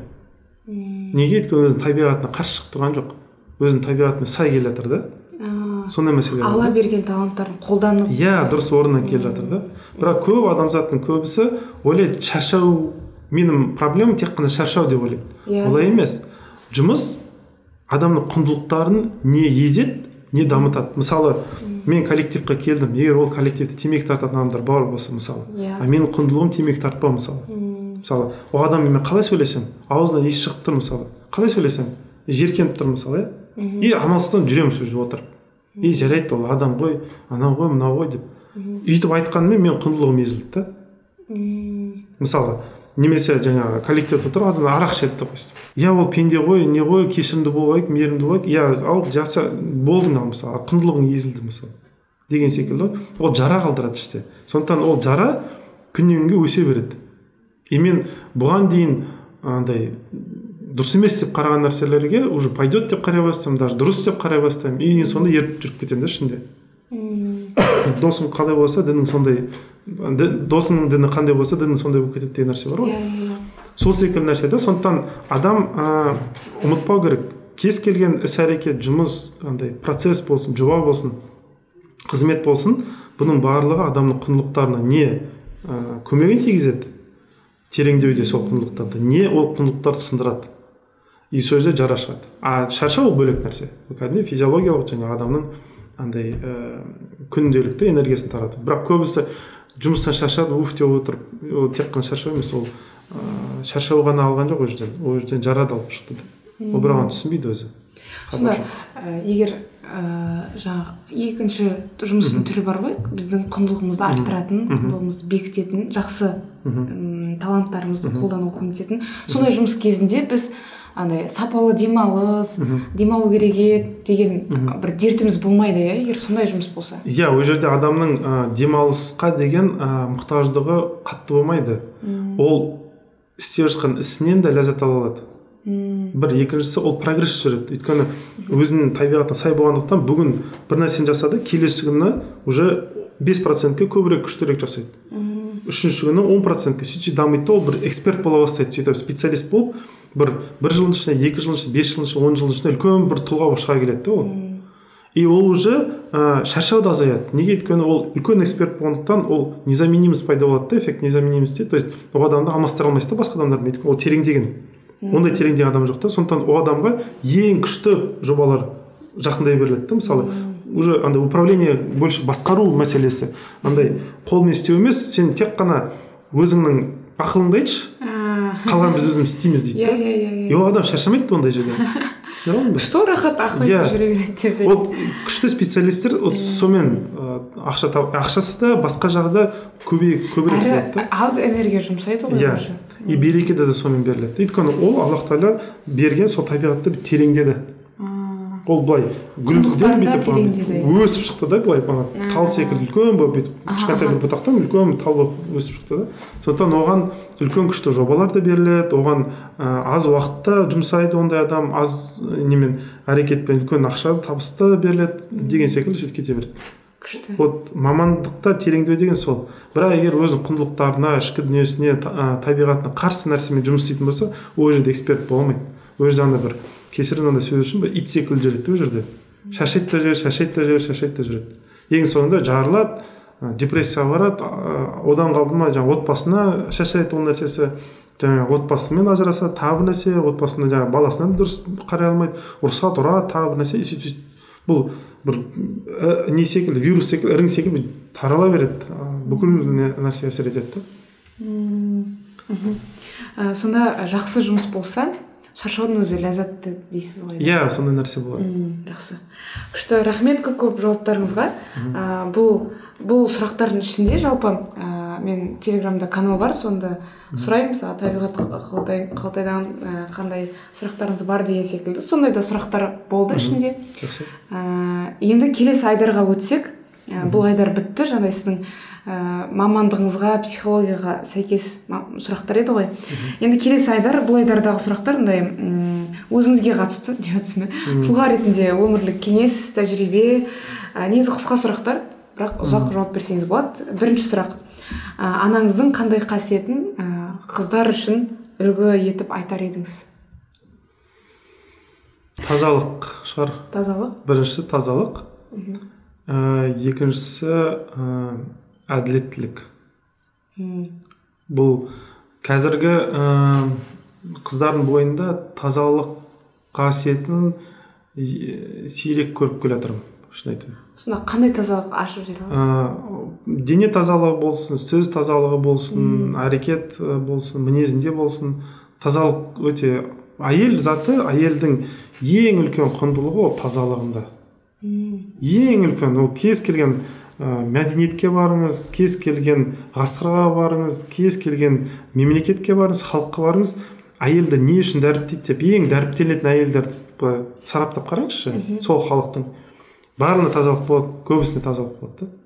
Тазалық өте маңызды. Әйелдің таза болуы өйткені былай айтайыншы енді бұл мақта деп мақтау деп ойламаңыз да әйел ол асыл. Иә. Асыл нәрсе таза жоғары жерде тұру керек та ол. Ол андай бір үлкен бір э, жерде тұру керек ол. Әркімнің қолын кір қолын қисық қолын бүйтіп соза алатын бір жерде тұрмау керек ол. Өте асыл болу керек әйел деген. И мен үшін тазалық деген қатты маңызды. Қанша мысалы кез келген еркектен былай сұраңыз да мысалы иә сұлулығы анау мынау дейді ол сыртқы несі. Бірақ шынымен келген уақытта әйел таза болғанын қалайсың? Ба конечно дейді ол. Ол по умолчанию ол, ол даже ойламайды ондай нәрсені. Сондықтан тазалыққа қарайды да. Ал екіншісі айтарым ол ә, анамның жаңағы несі әділеттілігі. Ә, әділеттілік сезімі өте жоғары анамның. Аха сіз еще бір видеода ма айтқансыз менің қыздарымның да әділеттілік сезімі жоқ иә деп? иә сол жағы бар. Сондай сұрайды кәдімгідей талап етеді мынаны мынаны әділетті бол дейді да қыздарыңыз былай иә істейді талап етеді. анам да сондай. анаңыздың әділеттілігі анам да сондай. Анам да тура соны істейді. Енді өзгенің ақын сыналма өзіңді ақыңды берме деген секілді нәрселер бар да мысалы. Әр нәрсені уақытында жаса тиянақты жаса деген секілді. Әрқайсысы әр нәрсені өзінің мөлшеріне қарай жаса деген секілді. Сондай нәрселер бар да. Күшті. Күшті. Сонымен ә, табиғат ағайдың анасынан алатын үлгі қасиет тазалық пен әділеттілік. Енді ә, мындай сұрақ болмаған бірақ мен қоя салайын. Себебі ә, неде? Статистиканы қарасам біздің подкастты ә, мен ойладым прям 90 пайыз қыздар деген сияқты бірақ жет- алпыс алты пайыз жетпіс қой почти жетпіс деп жоқтайыншы жетпіс пайыз қыздар отыз пайыз ер адамдар қарайды екен да. Ә, енді әкеңізден қандай қасиет үлгі ә, етіп айтар едіңіз ер балаларға ер адамдарға әкенің ең үлкен нәрсесі ол не ә, былай айтайын бұл кішкентай бір не. Әкемнің бала шақ бала шақ кезі өте қиын болған. жетім өскен негізі анам да әкем да былайша айтқан уақытта сондай сондай нелер бар. Ә, жетім деген уақытта қалай андай болады ә, тірі жетім дейді ғой. Өзінің ата анасы бүйтіп ысырып тастайды да басқа өзге үйлерде өмір сүреді деген секілді сондай нәрсе болады да и ә, әкемнің бала шақ бала шағында қатты зорлық көп көрген әкем. Жаңағы ә, ұру таяқ жеу деген секілді сондай бала кезінде. Бірақ соған қарамастан әкем кешірімді. Сөз жері жақсы. Да ол андай өткен шақтың есігін жаба біледі. Кек сақтап ішінен бүйтіп сасып шіріп іріп ойбай бүйтіп қойды сөйтіп қойды кезінде деген ондай нәрсе жоқ та. Сол жағы бар да. Сөз тасымайды. Сөз тасымайды сондай несі бар. Бір екіншісі ә, жақсы енді алла тағаланың несі бергені аналитикасы қатты. Былай үлкен үлкен картинаны көре алады да үндемейді айтпайды бәлкім иә мысалы. Бірақ егер сөйлес сөзге келген уақытта анау былай анау былай деген секілді андай көрінбей тұрған нәрселер көрсетіп бере алады да. Сондай нәрсесі бар да. Алысқа қарай алады да. Аналитикасы өте жақсы. Сіз де аналитиксіз ғой содан шығар. иә. Иә әкем баласымын ғой деп. күшті ііі сосын анау қасиет бар ғой. Сіз айтқансыз өткен есігін жаба білу деген сияқты. Пост болған еді ғой сізде? Иә. Как раз әкеңіз туралы екен ғой күшті. Ііі енді мындай сұрақ. М кішкентай әдеттер өмірімізге үлкен өзгерістер алып келеді ғой. Сізде өміріңізде қандай бір кішкентай әдет бар? Үлкен өзгеріс алып келген. Мына нәрсе айтқым келіп болмайды. Кішкентай әдет әрбір намаздан кейін асықпай бір екі минут отырып құдаймен сөйлесу. Көп емес андай кішкентай таспихат дейді ғой. Соны жасап иә мысалы аллаху акбар айтқаннан кейін бір отырып сөйлесу. Бұл адамды өзіне келтіреді қатты келтіреді. Қатты келтіреді. Екі үш минутта адам андай ғой. Мысалы мен таңертең тұрдым иә мысалы сіздерге мен жаңағы неттім келдім подкаст жазып жатыр бүйтіп жатыр сөйтіп жатыр. Осы процесстің ішінде кейбір нәрселерді ұмытып кетемін. Кейбір нәрселер ауытып кетеді көңілім. Тағы бір нәрсе деген секілді ана калибровка дейді ғой былайша андай кетіп қалады да мысалы. Бірақ қазір мысалы алла жазса түскі намаз қылған уақытта тасбихат қылып жатқан уақытта бір отырып сөйлессем сол кезде алла тағала есіме түсіреді да мынауың бар еді мынауың бар еді мынауың бар еді мынаны бүйт мынаны сөйт мынаны сөйт деген секілді так тасбихат деген сонда тек қана ол сіздің қазақша дұға ету емес арабша андай дұғалар жиынтығы ғой иә негізі бірақ бұл жерде енді тыңдармандардың барлығы арабша білмеуі мүмкін сондықтан айтарым өз сөзіңізбен де отырып бір сөйлессеңіз дұрыс болады да күшті. Ал мысалы намаз оқымайтындар оқырмандарымыз үшін? Онда таңертең ерте немесе түнде жатар алдында бір 5-10-15 минут отырып өз өзімен отырып жалғыз ешкім тиіспейтін сотка жоқ жерде құдаймен бір отырып сөйлессе. Бәрібір сөйлесу керек иә сөйлесу керек. Өйткені өмірдің ағыны қатты сол ағынның ішінде өзінің не қалайтын не талап ететінін адам естімей қалуы мүмкін. Адам өзінің қалайтын қалаушылықтар өте баяу шығады да дыбысы. А сыртқы ортаның несі қалаушылықтар қатты айқайлап тұрады. Иә иә сондықтан өз ішкі несін естімей қалады. Адам өзі жалғыз қалып тұру керек. А неге мен намаздан кейін деп айттым?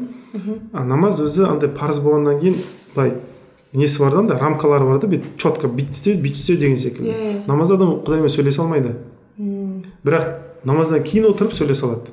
Сондықтан намаздың ләззаты негізі ләззаты намаздан кейін отырып асықпай сөйлесе алады көп адамдар мысалы намаздан ләззат ала алмаймын бүйтпеймін сөйтпеймін дейді да мен сұраймын намаздан кейін отырып бес он минут отырып сөйлесесің бе құдайыңмен жоқ дейді да тұрып кетіп қаламын дейді да сәлем беремін тұрып кетіп қаламын енді өйтіп келгеннен кейін әрине сен намазға андай бір қалай сен заставлять ететін бір нәрсе секілді кел істе бүйт сөйт сосын барып тұрып кете бер олай емес отырып асықпай отыруың керексің да сондықтан адам жалғыз қалып өз өзін тыңдап құдаймен сөйлесуі маңызды иә күшті сіз айтасыз ғой жаңағы бес минут ыыы дұға етудің өзі негізі қиын екен мен бір күні таймер қойып қойдым да. Етіп жатырмын болдым да қараймын әлі бес минут болмаған ол болмайтын себебі құдаймен байланыста ыыы уақыт ұзарады иә уақыттың берекеті болады. Дүниелік нәрсеге нетсеңіз бос нәрсеге нетсеңіз уақыт тез су секілді ағып иә кетеді. иә иә. Сондай нәрсесі бар алла тағала сөйтіп берекет қойған да. Сондықтан алланың разы болатын істерін істеген уақытта жұмыстарыңызды жасап үлгересіз. Алланың разы болмайтын істерін істесеңіз үлгермей қаласыз. Сондай нәрсесі бар ғұмыр жетпеуі мүмкін. Иә сондай нәрсесі бар күшті. Сосын андай сұрақ қойып жіберейінші. Ә, сіз пост жаздыңыз ғой? Мхм. М, бұл дүниенің ә, ләззатына ә, ал, алданып қалар ма едіңіз егер сіз ана дүниенің ләззатын ойыңызда жүрсе деген секілді. Ә, және андай бір сұрақтар болады да сондай ләззат деген не нәрсе? деп. Ә, былай ләззат екі түрлі бар. Біреуі денеге байланысты ләззаттар. Тамақ жеу физиология болсын әйелмен де қарым қатынас деген секілді. Бұл басқа. Мен айтқан нәрсем бұл ләззаттар адамды тойдырмайды. Бұл ләззаттар адамды белгілі жерде бүйтіп андай өшіп сөндіреді иә мысалы өшіп қайтадан жағады но мен айтқан нәрсем нағыз ләззат стрессіз уайымсыз андай бір нәрсені өз өзін жей беріп нете беретін андай нервный дейді ғой былайша сондайсыз өмір сүретін өмірді айтамын да. Ол қалай болады? Адам егер өзінің өзі солай ғой мысалы адам бір тойдың өзінен болар артық дейді ғой. Иә иә бір нәрсе күшті нәрсе боларын сенсе адам оның настроениесі жаңағы көңіл де барлығы көтеріңкі болады да иә. Сол секілді жұмаққа кіреріне сенімді болса бұл жерде айтып тұрған жоқпын. Иә мен кіремін деп тәкаппарлықты айтып тұрған жоқпын. Кейбір оқырмандар ол жерде нетпеді мен айтқым келіп тұрған нәрсе құдайға сенсеңіз құдайдың мейіріміне сенімді болсаңыз жұмаққа иншалла кіргізеді деген. Сондай ойыңыз болса онда жұмаққа кіретін адам секілді өмір сүресіз да түсіндіре алдым ба? То есть иә. жұмақ ал егер жоқ тозаққа кіремін деп тозақ туралы ойлайтын болсаңыздар аллахтың мейіріміне сенбесеңіздер онда тозаққа кіретін адам секілді өмір сүріп кетесіздер. Сондықтан бұл жерде андай ә, адамның құдайда не күтеді соны алады деген нәрсесі бар да. Құранда да аят бар ғой кім не нәрсеге талпынса дейді сол нәрсе келеді деген нәрсе бар да. Вот сол мен айт, айтқан жаңағы ләззатым сол нәрсе еді да. Адамның нетуі сосын ә, ә, қалай айтсам екен? Енді адамдар жаңа айттым ғой ойлар үшке бөлінеді дедім ғой. Иә иә иә. Вот адамдар шайтанның сыбырлайтын ойларын өзінің ойларындай көп қабылдап қояды. То есть көп адам шынымен де былай түбін бүйтіп консультацияларды көп көремін түбін келіп жаңа айттым ғой өзің жұмаққа кіретіндердің арасына саласың ба деген уақыт дейді да көбісі. Вот сондай нәрсе өте көп. Мұсылман болуы мүмкін жылдар бойы намаз қылуы мүмкін анау бірақ жұмаққа кіремін деген ойды даже өзіне андай ойлауға рұқсат бермейді ше демек ол подсознательно ол ойлап тұр ғой алла тағала мені жұмаққа лайық иә көрмейді иә өзін де лайық иә өзіне деген сыйы жоқ өзіне деген қадірлемейді. Өзін асылмын деп қарамайды. Және аллаға мейіріміне сенбейтін ғой былайша айтқанда. Иә сол себепті сондай жаза алып жатыр да ол. Өзінің сенбеушілігінен таяқ жеп жатыр да. Шайтан оған айтқан ей сен қарашы грешниксің ғой күнәң бар анау бар мынау бар сен қай бетіңмен деген секілді сөйтіп болып келеді сондай да ойлар салады да. Иә бірақ былай қарасақ алланың мейірімі көп па сенің күнәң көп па? Мәселе сол жерде бар да. Иә ол кішкентай нәрсе үлкен қылып көрсетеді ол шайтанның өзінің функциясы енді. Ол өз ісін істеп жатыр. А сен де енді құдайдың құлысың ғой сен де өз ісін өзің істесе істесең алланың мейіріміне фокус жасасайшы көбірек. Сондықтан адамдар қ- андай не да андай намаз қылады нетеді бірақ ыыы түңіліп кеткен да. Өте өзіне не орын бөлмейді мысалы жұмаққа ә, кіремін ау деген ой да жоқ. Андай. Ә, кіргізеді ау деген секілді нәрсесі де жоқ та. Мысалы мынандай тест жасаймын кейде. Ә, айтамын да мысалы ойлашы деймін. Егер сен бүгін түсіңде бір періште келіп айтса бір айдан кейін пайғамбар саллаллаху алейхи вассалам сенімен кездесуге келеді түсінде. Сен жағдайыңды сұрайды. Сондықтан сенің отыз күнің бар отыз күннен кейін пайғамбар саллаллаху алейхи вассаламмен түсіңде кездесесің десе. Ояндың. Одан кейін отыз күнің бұған дейін өткен отыз күндері секілді өте ма? Өтпейді. Неге? Өйткені адам пайғамбар келгенде қалың қалай не істеп жатырсың жұмысың қалай өмірің қалай бала шағаң қалай анау қалай мынау қалай деп сұраса мен не деп жауап беремін дейді ғой мысалы. Сондықтан ол етегін тартады жаңағындай өзіне бір ә, дұрыс қарауға тырысады да. А қазіргі адамдар неге өйтіп өзіне дұрыс қарамайды? Өйткені пайғамбар саллаллаху алейхи келіп бір зиярат жасайды даже түсіме кіріп шығады деп ойламайды даже. Ойламаймыз иә. Иә. И кіммін мен соншама деген нәрселермен нетуге тырысады бірақ енді кіммін мен соншама сен құлсың. Сен құдайдың асыл құлысың. Бүкіл адамзаттың а, бүкіл жаратылыстың ішінен періштелерден жоғары алынған несің жаратылыс саған халифа ретінде иә сені бір арнайы бір орын еткен. Сені жерде жаратқан жоқ сені әдейі жұмақта жаратқан. Жерде де жаратуға болатын еді Иә, мысалы иә, ол жұмақта жаратты. Өйткені сенің отаның жұмақ. Сен мына жерге қонаққа келдің ісіңді бітіресің жұмаққа кетесің. Сенің ісің просто барған жерімізге қайтып бару жұмақтың есігін аштың да шықтың да қайтадан кірдің. Иә иә иә. Солай болады да. Сондықтан солай қарау керек адам. А ол келді мына жерге сосын келді ойбай там грешникпіз анаумыз мынаумыз еще сонымен еще ана мақтан тұтады даже не не көрмедік бата береді сосын батпаққа ше? иә сондай сөздер жаман да. Адам өзіне олай қарамайды. И ә, қалай айтсам екен? Бұл ойдың тарлығынан. Ойдың тарлығынан и алла тағала мейіріміне сенбегендіктен ыыы пайғамбар саллаллаху алейhi қиын емес қой сенің түсіңе кіру.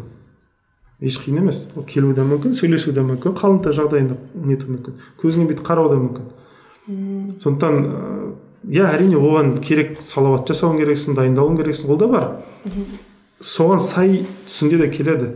Егер оған сай өмір сүрмесең түсіңде неге келеді деген нәрсе де бар сондықтан мен просто жаңағы эксперимент ретінде сұраймын да адамға егер жұмаққа а егер періште келіп саған айтса бір аптадан кейін жаңағы жеті күннен кейін отыз күннен кейін пайғамбар келеді десе басқаша өмір сүресің бе? әрине дейді да енді сүрсейші енді сондай. Күткен секілді болсайшы енді құранда аят ашықтан ашық айтып тұр ғой. Не күтесің соны аласың нәрсе бар да. Күтсейші енді күтпесең қалай аласың? Иә ол да бар да мысалы. Сондықтан алла тағала адамды өзінің күткеніне байлап қойған да онда сенің күткеніңе байланып тұрса онда күткеніңді дұрыс қолдан. Жақсы нәрсені күт та андай жаман нәрсе емес. Жаңа айтпақшы әкем туралы сұрадыңыз ғой әкем сондай жақсы нәрсені күтуге тырысады сөйтіп солай істеген дұрыс. Сол сол оймен әрекет еткен дұрыс та. Сосын мындай нәрсе есіме түсіп тұр. Ә, данияр жігітбекті танисыз ба? Танымайтын шығармын. Сол кісімен ә, бізде апта сайын бір рет сабақ болып тұрады. Кітап алдың ә, сотрудниктері. Не сабақ жүргізеді. И сол кезде ол кісі айтады да көп кітаптар дейді батыстың кітаптары болсын белгілі бір жетістікке мысалға бір а пунктінен б пунктіне жету керек иә б пунктіне жету керек біз ада тұрмыз и олар былай істейді дейді да мысалға психологияны сөйтіп бізде отырғызып тастаған мысалға мен мынаны істесең барып мынаған жетесің мынаны істесең барып мынаған жетесің мынаны істесең барып яғни бір ә, допустим миллионер болу. Сен ол үшін ә, мынша ақша табуың керек миллионер болып ақша табу керексің. Сосын барып сен миллионерша атана аласың да ал негізі дейді былай жасасақ тезірек жетеміз энергияны тезірек ә, не істей аламыз дейді да экономдай аламыз дейді да тезірек. Мысалы былай болу керек екен. Ә, мен мысалы б а пунктіне тұрмын б пункті ыыы ақшамен есептеп жатырмын негізі ондай нәрсе емес былай айтатын да. Миллионерша жаннұр да. Допустим. и сондай образда жүре бер дейді да и сол кезде ойланасың уже на автомате так миллионерша жаннұр таң намазынан кейін ұйықтамайды. Ол барып жұмысын істейді. Ол барып ең азында кітап оқиды. Иә. Ол ең азында дұға ете береді. Мысалға потому что образға кіріп алған ғой. Иә солай секілді сөйтіп образдарды сол секілді ғой жаңағы сіз жәннатта уже иншалла біз шыққан жеріміз жәннат. Барған жерімізде сол болу керек деп образда жүре берсек иә. шынымен де намаздан кейін тұрып кетіп дұға етпеу. абай бабамыздың айтқан атамыз айтқан болмасам ұқсап бақ деген сол ғой. Иә иә иә. То есть сөйтіп өмір сүру керек та өйткені шынымен де бұл өмірді адамдар кейін есіне түсірген уақытта жұмақта бір сағат секілді болады екен. Енді шықтың кірдің. Сондай болып қаралады екен. Біз үшін ғой ол тоқсан жыл ойбай ұзақ ойбай депрессия ойбай анау бітпейтін проблема деп. Ұзақ болып көрінеді да негізі. Бірақ ол емес жұмақтан шығып қайтадан кіргеннен кейін бір кого то бір есікті ашып дворға шығып андай алаңға шығып қайтадан кірген секілді болады да. Андай сондай болады иә иншалла барған жерімізге қайтып барайық. Алла разы ә, так енді андай сұрақтарды жалғастыра берейін. А міне мындай сұрақ. Осы сұрақ қатты ұнайды маған ше басында ұнамсыз көрінгенмен нәтижесі қайырлы болған бір оқиға. Есіңізде қалған? Үйленуім үйленуім басында қайырсыз көрінді ма не иә. Мен енді бұл нәрсе айтқан дұрыс па дұрыс емес па? Менің белгілі бір вкусым бар еді мысалы. Қыздың түрі мынандай анау мынандай мынандай мынандай болу керек деген шартым бар еді да мысалы. Бірақ қосылған қосылған адамым андай не емес ондайға келмейді вообще. Бірақ практика бір нәрсені көрсетті маған идеально келеді екен. Сол кезде өзім туралы ойым қате ой екенін түсіндім. То есть мен ойлағанмын маған мынау керек деп. Бірақ аллах тағала басқамен қосты. Оказывается басқамен қосқан дұрыс екен. Өйткені мен өзім туралы қате ойлап егер маған менің ойлаған нәрсемді берсе мен быт болар едім. Да. Иә сондай нәрсе бар да. И бұл адам өзін танымағандықтан. И өзін ақылдымын деп санағандықтан. Өйткені мен өзімді кезінде қатты ақылдымын санайтынмын. Мен барлығын білемін ананы білемін мынаны білемін деген сияқты. Бірақ аллах тағала басқаша көрсетеді сондықтан үйленуімде иә конечно қиналдық. Қиналмадық емес. Бірінші бір жарым екі жыл үш жыл қиын болды. Особенно менің әйеліме қатты қиын болды өйткені менің мінезім өте өте нашар адаммын да мысалы қазір бұл ол мен түзетіп түзетіп дұрыстап дұрыстап уф пуф деп бүйтіп алып келген жерімнен көре бастадыңыздар да. А так бұған дейін шынымен де қатты андай қазақ айтады қан ішер дейді ғой былайша сондай адам едім да. Бірақ ә, болды өзі де тозды енді шаршады ол жағынан ол өтірік емес. Бірақ жасаған еңбегі өте зор шынымен де зор. И аллах тағала көрсетті что мен ойлағандай болмады. Бірақ мен күткеннен де артық болды. Солай болды десе де болады күшті. Бұл жерде енді андай ә, келесі сұраққа как раз келіп тұр да шешім шығару ғой. Сіз өзіңіз шештіңіз ғой негізі ол адаммен некелесуге ә, шештім деген уақытта былай айтайын мен во первых кеш үйлендім. жиырма жеті жиырма сегізде. Ә, кеш үйлендім амалсыздан үйлендім десе де болады. Өйткені мен үйленбеймін деп ойлағанмын негізі мен үйленбеймін деген вообще ойланбаймын вообще ойлағанмын мен үйленбеймін деп. Өйткені өйткені попыткалар жасадым болмады. Ыыы айтып тұрған жоқпын мен этот менің кесірімде де болмаған кездер болды. Болмады сосын мен айттым вообще қойшы. Енді енді бұл салаға кірмеймін дедім да вообще кірмеймін вообще үйленбеймін жаңағы сондай нем болды ойым болды да. Кейін андай болды ыыы е ладно үйлене салайықшы деген секілді болды да давай давай деген секілді сондай болды да давай давай андай қатты ойлап не болған жоқ просто үш ай сөйлестік телефонмен өйтіп мен атырауда жүрмін ол астанада тұрады телефонмен сөйлесіп жүрдік та и ә, мен өзімді ойымды айтамын ол айтады собеседник ретінде ұнады сөйлесуге күшті екен мен де сайрағанды жақсы көремін ғой. Тыңдайтын біреу керек болды. Да вот. И мылжыңмын ғой енді сөйлей беремін болды тыңдайды деген сияқты. Тыңдайды екен. И содан кейін мен айттым мен негізі үйленгеннен бұрын мен қыз балам болған қаладым. Қатты қаладым я хочу дочку дедім да қыз, қыз балам болған қаладым сосын барып я тоже деді да. То есть, мен оған давай үйленейік деп айтқан жоқпын. Мен қыз бала хочу деді да. Я тоже деді да вот и уже понятно. Давай үйленейік дедім давай деді машалла вот. Солай бола салды ол мәселе сондай болды бірақ конечно приключениялар бар некеден кейін болды енді көп нәрсе бірақ аллаға шүкір қазір енді шынымен сізде екі қызыңыз бар ғой үш қызым бар а үш қызыңыз бар машалла бірақ үшеуі де сіздің копияңыз бар иә күшті енді қарашы ағай мындай сұрақ. М, бір шешім шығарған кезде ше адамдар бір принциптарды ұстанады ғой. Мхм Ә, и қандай принциптер ұстану керек шешім шығарған кезде? Шешім шығарған кезде құдай қарап тұрғанда шешім қабылдаса дұрыс болады. Потому что бұл шешіммен бәрі алланың алдына барамыз да. То есть конечный нәрсені қарау керек та бұл шешіммен мен қайда барып тірелемін кімнің алдына барамын и бұл шешім маған зардап бере ма? Ол жерде зардап бермеймін өкінемін ба сол жерде өкінбеймін ба мәселе сол керек та сондықтан ыыы ең соңында аллах тағала айтады ғой соңғы сөз менікі дейді да малик йаумиддин. сондықтан соңғы ыыы жаңағы любой кез келген шешіміңнің бағасын мен беремін дейді да. Бәрі алдыма келесің ғой қайда кетесің дейді қашып кеткен ешкім жоқ. Ешкім қаша алмайды сондықтан шешім қабылдан сөйтіп қараған дұрыс та. Рахмет. Керемет жауап. Мындай сұрақшы ә, адамды құндылығына байланысты бағалаймыз ғой. Сіз де мана айт- біраз айт, айтылып кетті именно вот құндылыққа қарау керек. Ә, ең бірінші алдыңғы қатарда тұратын құндылықтар қандай? Мм шынайылықпен жаңа айттым ғой. Шынайылық Әділ. әділеттілік и батылдық. Бұған қатты қараймын. Ыыы и егер адам менімен шынайы болмаса значит ол мені сыйламайды да. Иә. Наоборот емес жоқ ол шын- сыйламайды. Мына адам нашар оған өтірік айта салуға болады деген установка тұрады. А или мысалға мен ә, ыңғайсыз бірақ ыңғайсыз екенімді айтпай ақ қояйын потому что оны сыйлаймын. Мм ол өтірік айту емес қой. А өтірік ол шындықты әр айтқаның шындық болсын бірақ әр шындықты әр жерде айтқан дұрыс емес деген қағида бар? сондықтан иә кейбір нәрселерді иә айтпайсың. Мен мысалы жұмыста бардым қиналдым бүйттім сөйттім оның бәрін әйеліме келіп үйде отырып айта бермеймін ғой. ол дұрыс нәрсе емес та ол. Ол сол жақта қалсын. Иә ол не болды деген сияқты. Өйткені ол уайымдайды деген секілді. Мысалы немесе көшеде жүріп мысалы бала кезімде төбелесіп келіп келіп анам айта берген дұрыс емес қой. Төбелесті бүйтіп оның жүрегі ауырады деген сияқты сондай нәрсе бар сондықтан фильтр болу керек та а так ыыы егер адам шынайы болса әділетті болса и жаңағындай батыл болса өзін нете алады ойын айта алады ондай адаммен қарым қатынас жасауға болады. Ал егер ол бұл қасиеттер болмаса онда ол сыйламайды тағы бір жерде өтірік айтады бір жерде ұрлайды анау мынау деген секілді арқаңнан сөз ойлайды деген секілді қанжар соғып кетеді арқаңнан келіп деген мәселелер шығады да келешекте.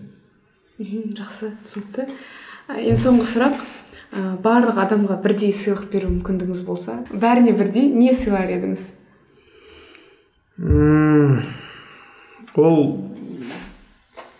егер ондай нәрсе болса былай наверное сыйлық болар еді менің бір консультациям дей қойсаңшы а бұл материальный болу жоқ жоқ өзіңіз біліңіз өзіңіз кез келген нәрсе болуы мүмкін ба бәлкім пайғамбар саллаллаху алейхи вассалам бір рет түсіне кездессе бір рет кездессе и өзінің сұрағысы келген сұрақтарды сұрап алса иә осы осы осы осы болса бүкіл ада- адамзатқа берілетін сол бір не болса м, адам одан кейін уже андай дұрыс жолды қалағандар дұрыс жолды и так табады ә, бұрыстар енді ол жерде нетеді төгіледі күшті. Мен менде андай болатын. Мысалы айша анамызбен түсімде көріп сұрақтарымды қоймағым келеді да. Білмеймін бұл жерде а пайғамбарымызды ә, ұяламын ба короче? Аналарымыздан сұрап аналармен сұхбаттасып жүре бергім келеді да. Сонымен ә, сұрақтар болады. Сол иә кісілерге. Мхм Ә, құрметті табиғат ағай көп көп рахмет. Ә, екі сағатыңызды арнап м, келгеніңізге өте құнды жауаптар өте құнды пікір өте құнды подкаст болды. Мен үшін де алдымен десең және оқырман үшін де. Иә, көп рахмет. Сіздерге де көп рахмет шақырғандарыңыз үшін. Ә, ну енді өстіп бәлкім тағы келешекте кездесіп тұрамыз иншалла. Иә иншалла. Рахмет. Рахмет.